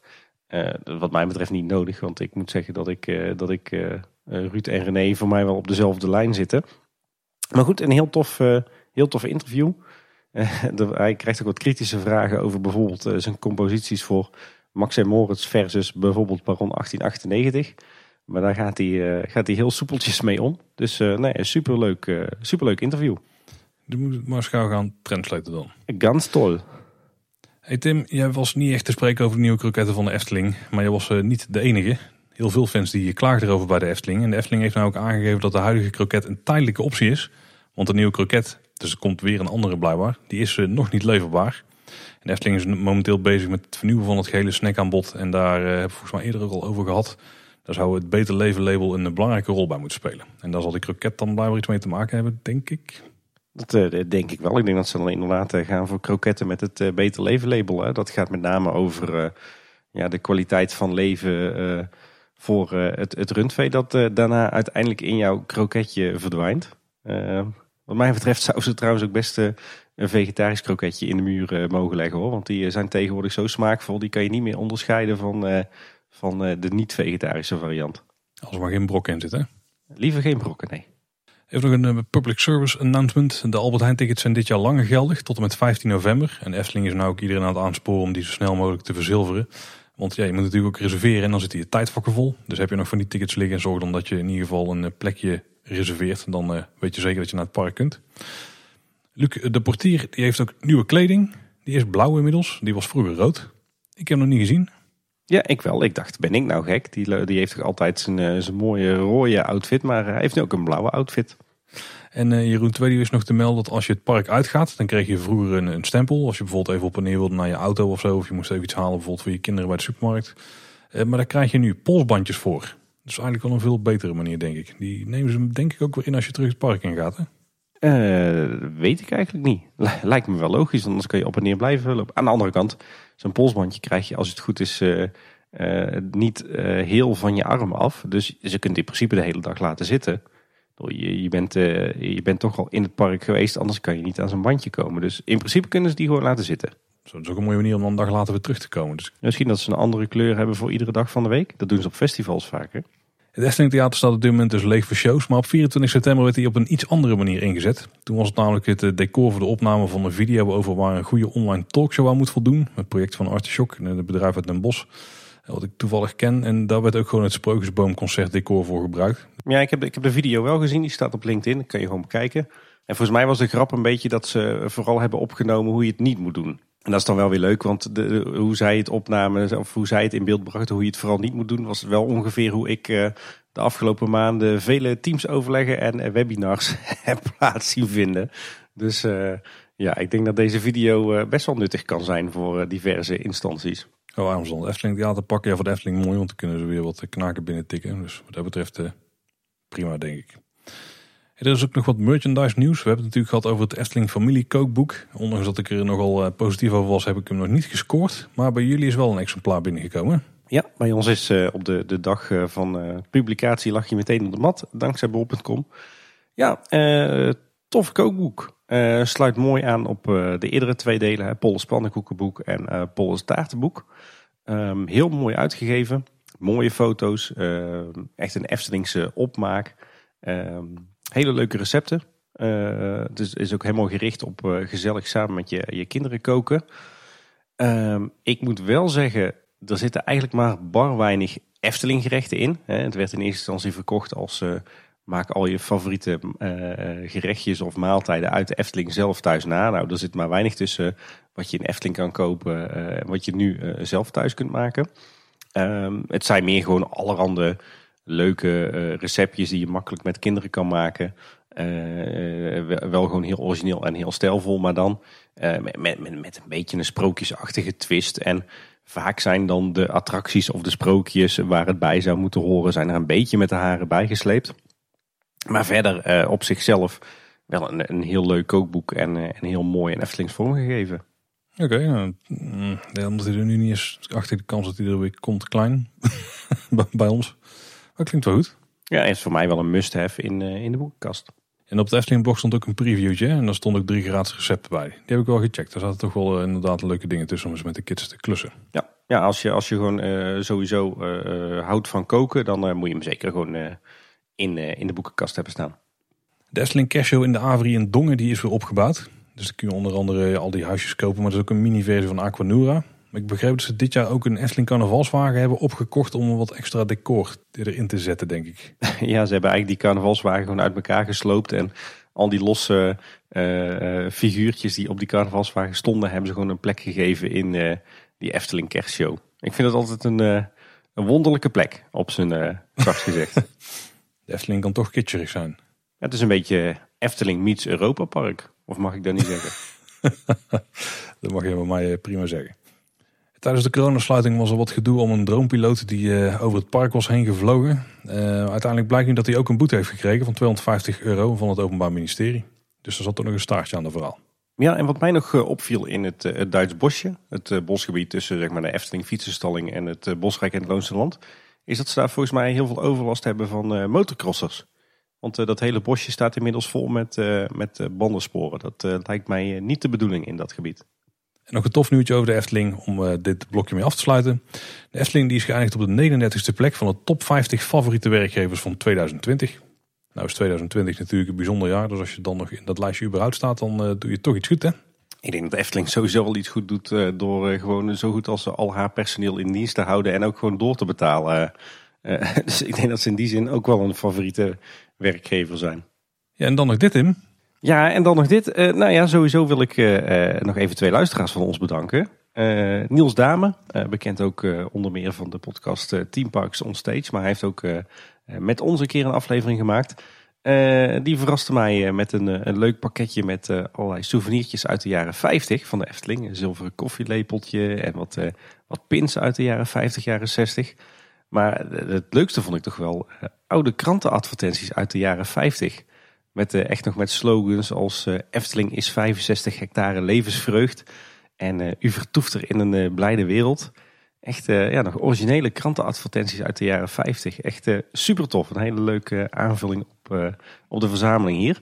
En ook luisteraar Sander, bedankt. die stuurde nog wat mooie oude foldertjes van het Antropiek Museum uit de jaren 80. En een, een flesje schrobbelair als bedankje voor het werk wat wij in de podcast steken. Dat hoeft natuurlijk niet, want we doen dat gewoon uit, uit liefde en, of met liefde en plezier moet ik zeggen. maar heel tof. dus Paul, ik zal het flesje schrobbelair binnenkort bij jou afgooien. Hey, dan kan ik mijn keel weer een beetje smeren. nog een kijktippie. Um, een leuke film op uh, onder meer op Netflix. Um, Enola Holmes. Mocht je nou wat hebben met uh, zeg maar de hele wereld van Sherlock Holmes. Met de vele films en series die daarover zijn uitgebracht.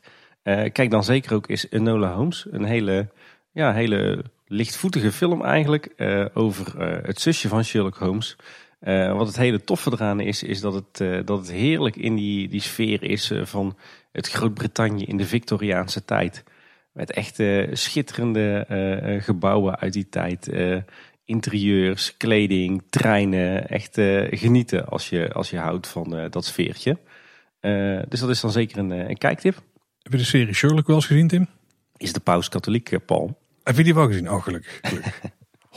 ja, die heb ik wel gekeken. Ook groot fan van. Dat wil ik zeggen. Dat is wel een van de betere series van de afgelopen tien jaar, denk ik. Ja, handig. 100% eh, mee eens. Maar als jij die dus gezien hebt, want ik begrijp uit jouw woorden dat jij daar wel fan eh, van bent, dan eh, moet je toch ook eens Enola Holmes kijken.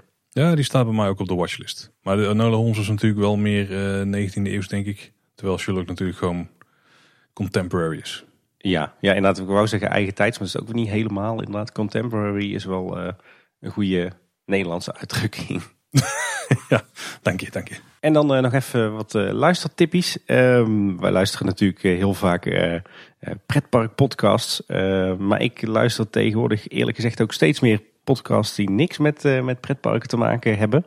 En een van de podcasts waar ik de laatste, laatste tijd heel vrolijk van word, is de podcast Van Verhalen van Thijs en Florine. die leven in een, in een camper of eigenlijk in, in een busje en ze reizen de wereld over en ze delen al hun avonturen in die podcast. Nou ben ik zelf niet iemand die ambieert om in een, uh, een Volkswagen busje de wereld rond te reizen. Maar ik word zo vrolijk van die podcast. Ze zijn zo, zo enthousiast, uh, zo lief. houden zo van, van alles wat ze meemaken. van, van, van het reizen. Ja, als je die, die podcast luistert, is gewoon van begin tot eind luister je die met een, een glimlach op je gezicht. Dus uh, dat is echt wel een, eh, een, luistertip als je eens een keer iets totaal anders wil luisteren en uh, je hebt wat met reizen, dan moet je zeker naar Van Verhalen luisteren. Zou het niet een Van-verhaal zijn? Dat, is wel, dat zou wel een beetje een, logische woordgrap zijn, ja. Maar volgens mij spreken ze het zelf ook gewoon uit als Van Verhalen. En Paul, jij wees me er ook nog op toevallig vandaag dat de DLP Report podcast weer begint aan zijn tweede seizoen.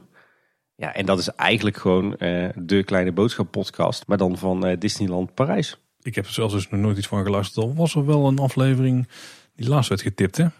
Is die nou in, is die er in het Frans of is die ook in het Engels? Nee, die is in het Engels. Want het, eh, de, me, de, volgens mij de, de meeste heren die eraan meewerken zijn ook uh, Britten volgens mij. Oké, oké, oké. Ja, dat is gewoon uh, dezelfde diepgang en dezelfde lengte van afleveringen als als bij ons. Dus ja, dat is eigenlijk de beste manier hoe ik het kan omschrijven. De kleine boodschap van Disneyland Parijs. Dan weet je denk ik wel waar je, waar je voor abonneert, ja. Ja, daar zijn we er weer doorheen. Maar we hebben nog wel een reactie van een luisteraar. We kregen een voiceclipje van Martin van der Kraan. En die had een vraag over virtuele wachtrijen. Beste Paul Tim. Ik heb zojuist de aflevering van de Glazen Bol zitten luisteren. En ik vond hem erg leuk. Even in het verlengde van een van, de, uh, een van de zaken, zoals het afschaffen van de reserveringen. Ja, ik hoop natuurlijk dat de Efteling dat zeker ook gaat doen. Uh, echter, um, ik ben gisteren in Walibi Holland geweest. Ik ben een keertje vreemd gegaan, helaas. Maar ja, maakt niet uit. Een Theemt is trouwens al een hele vette coaster.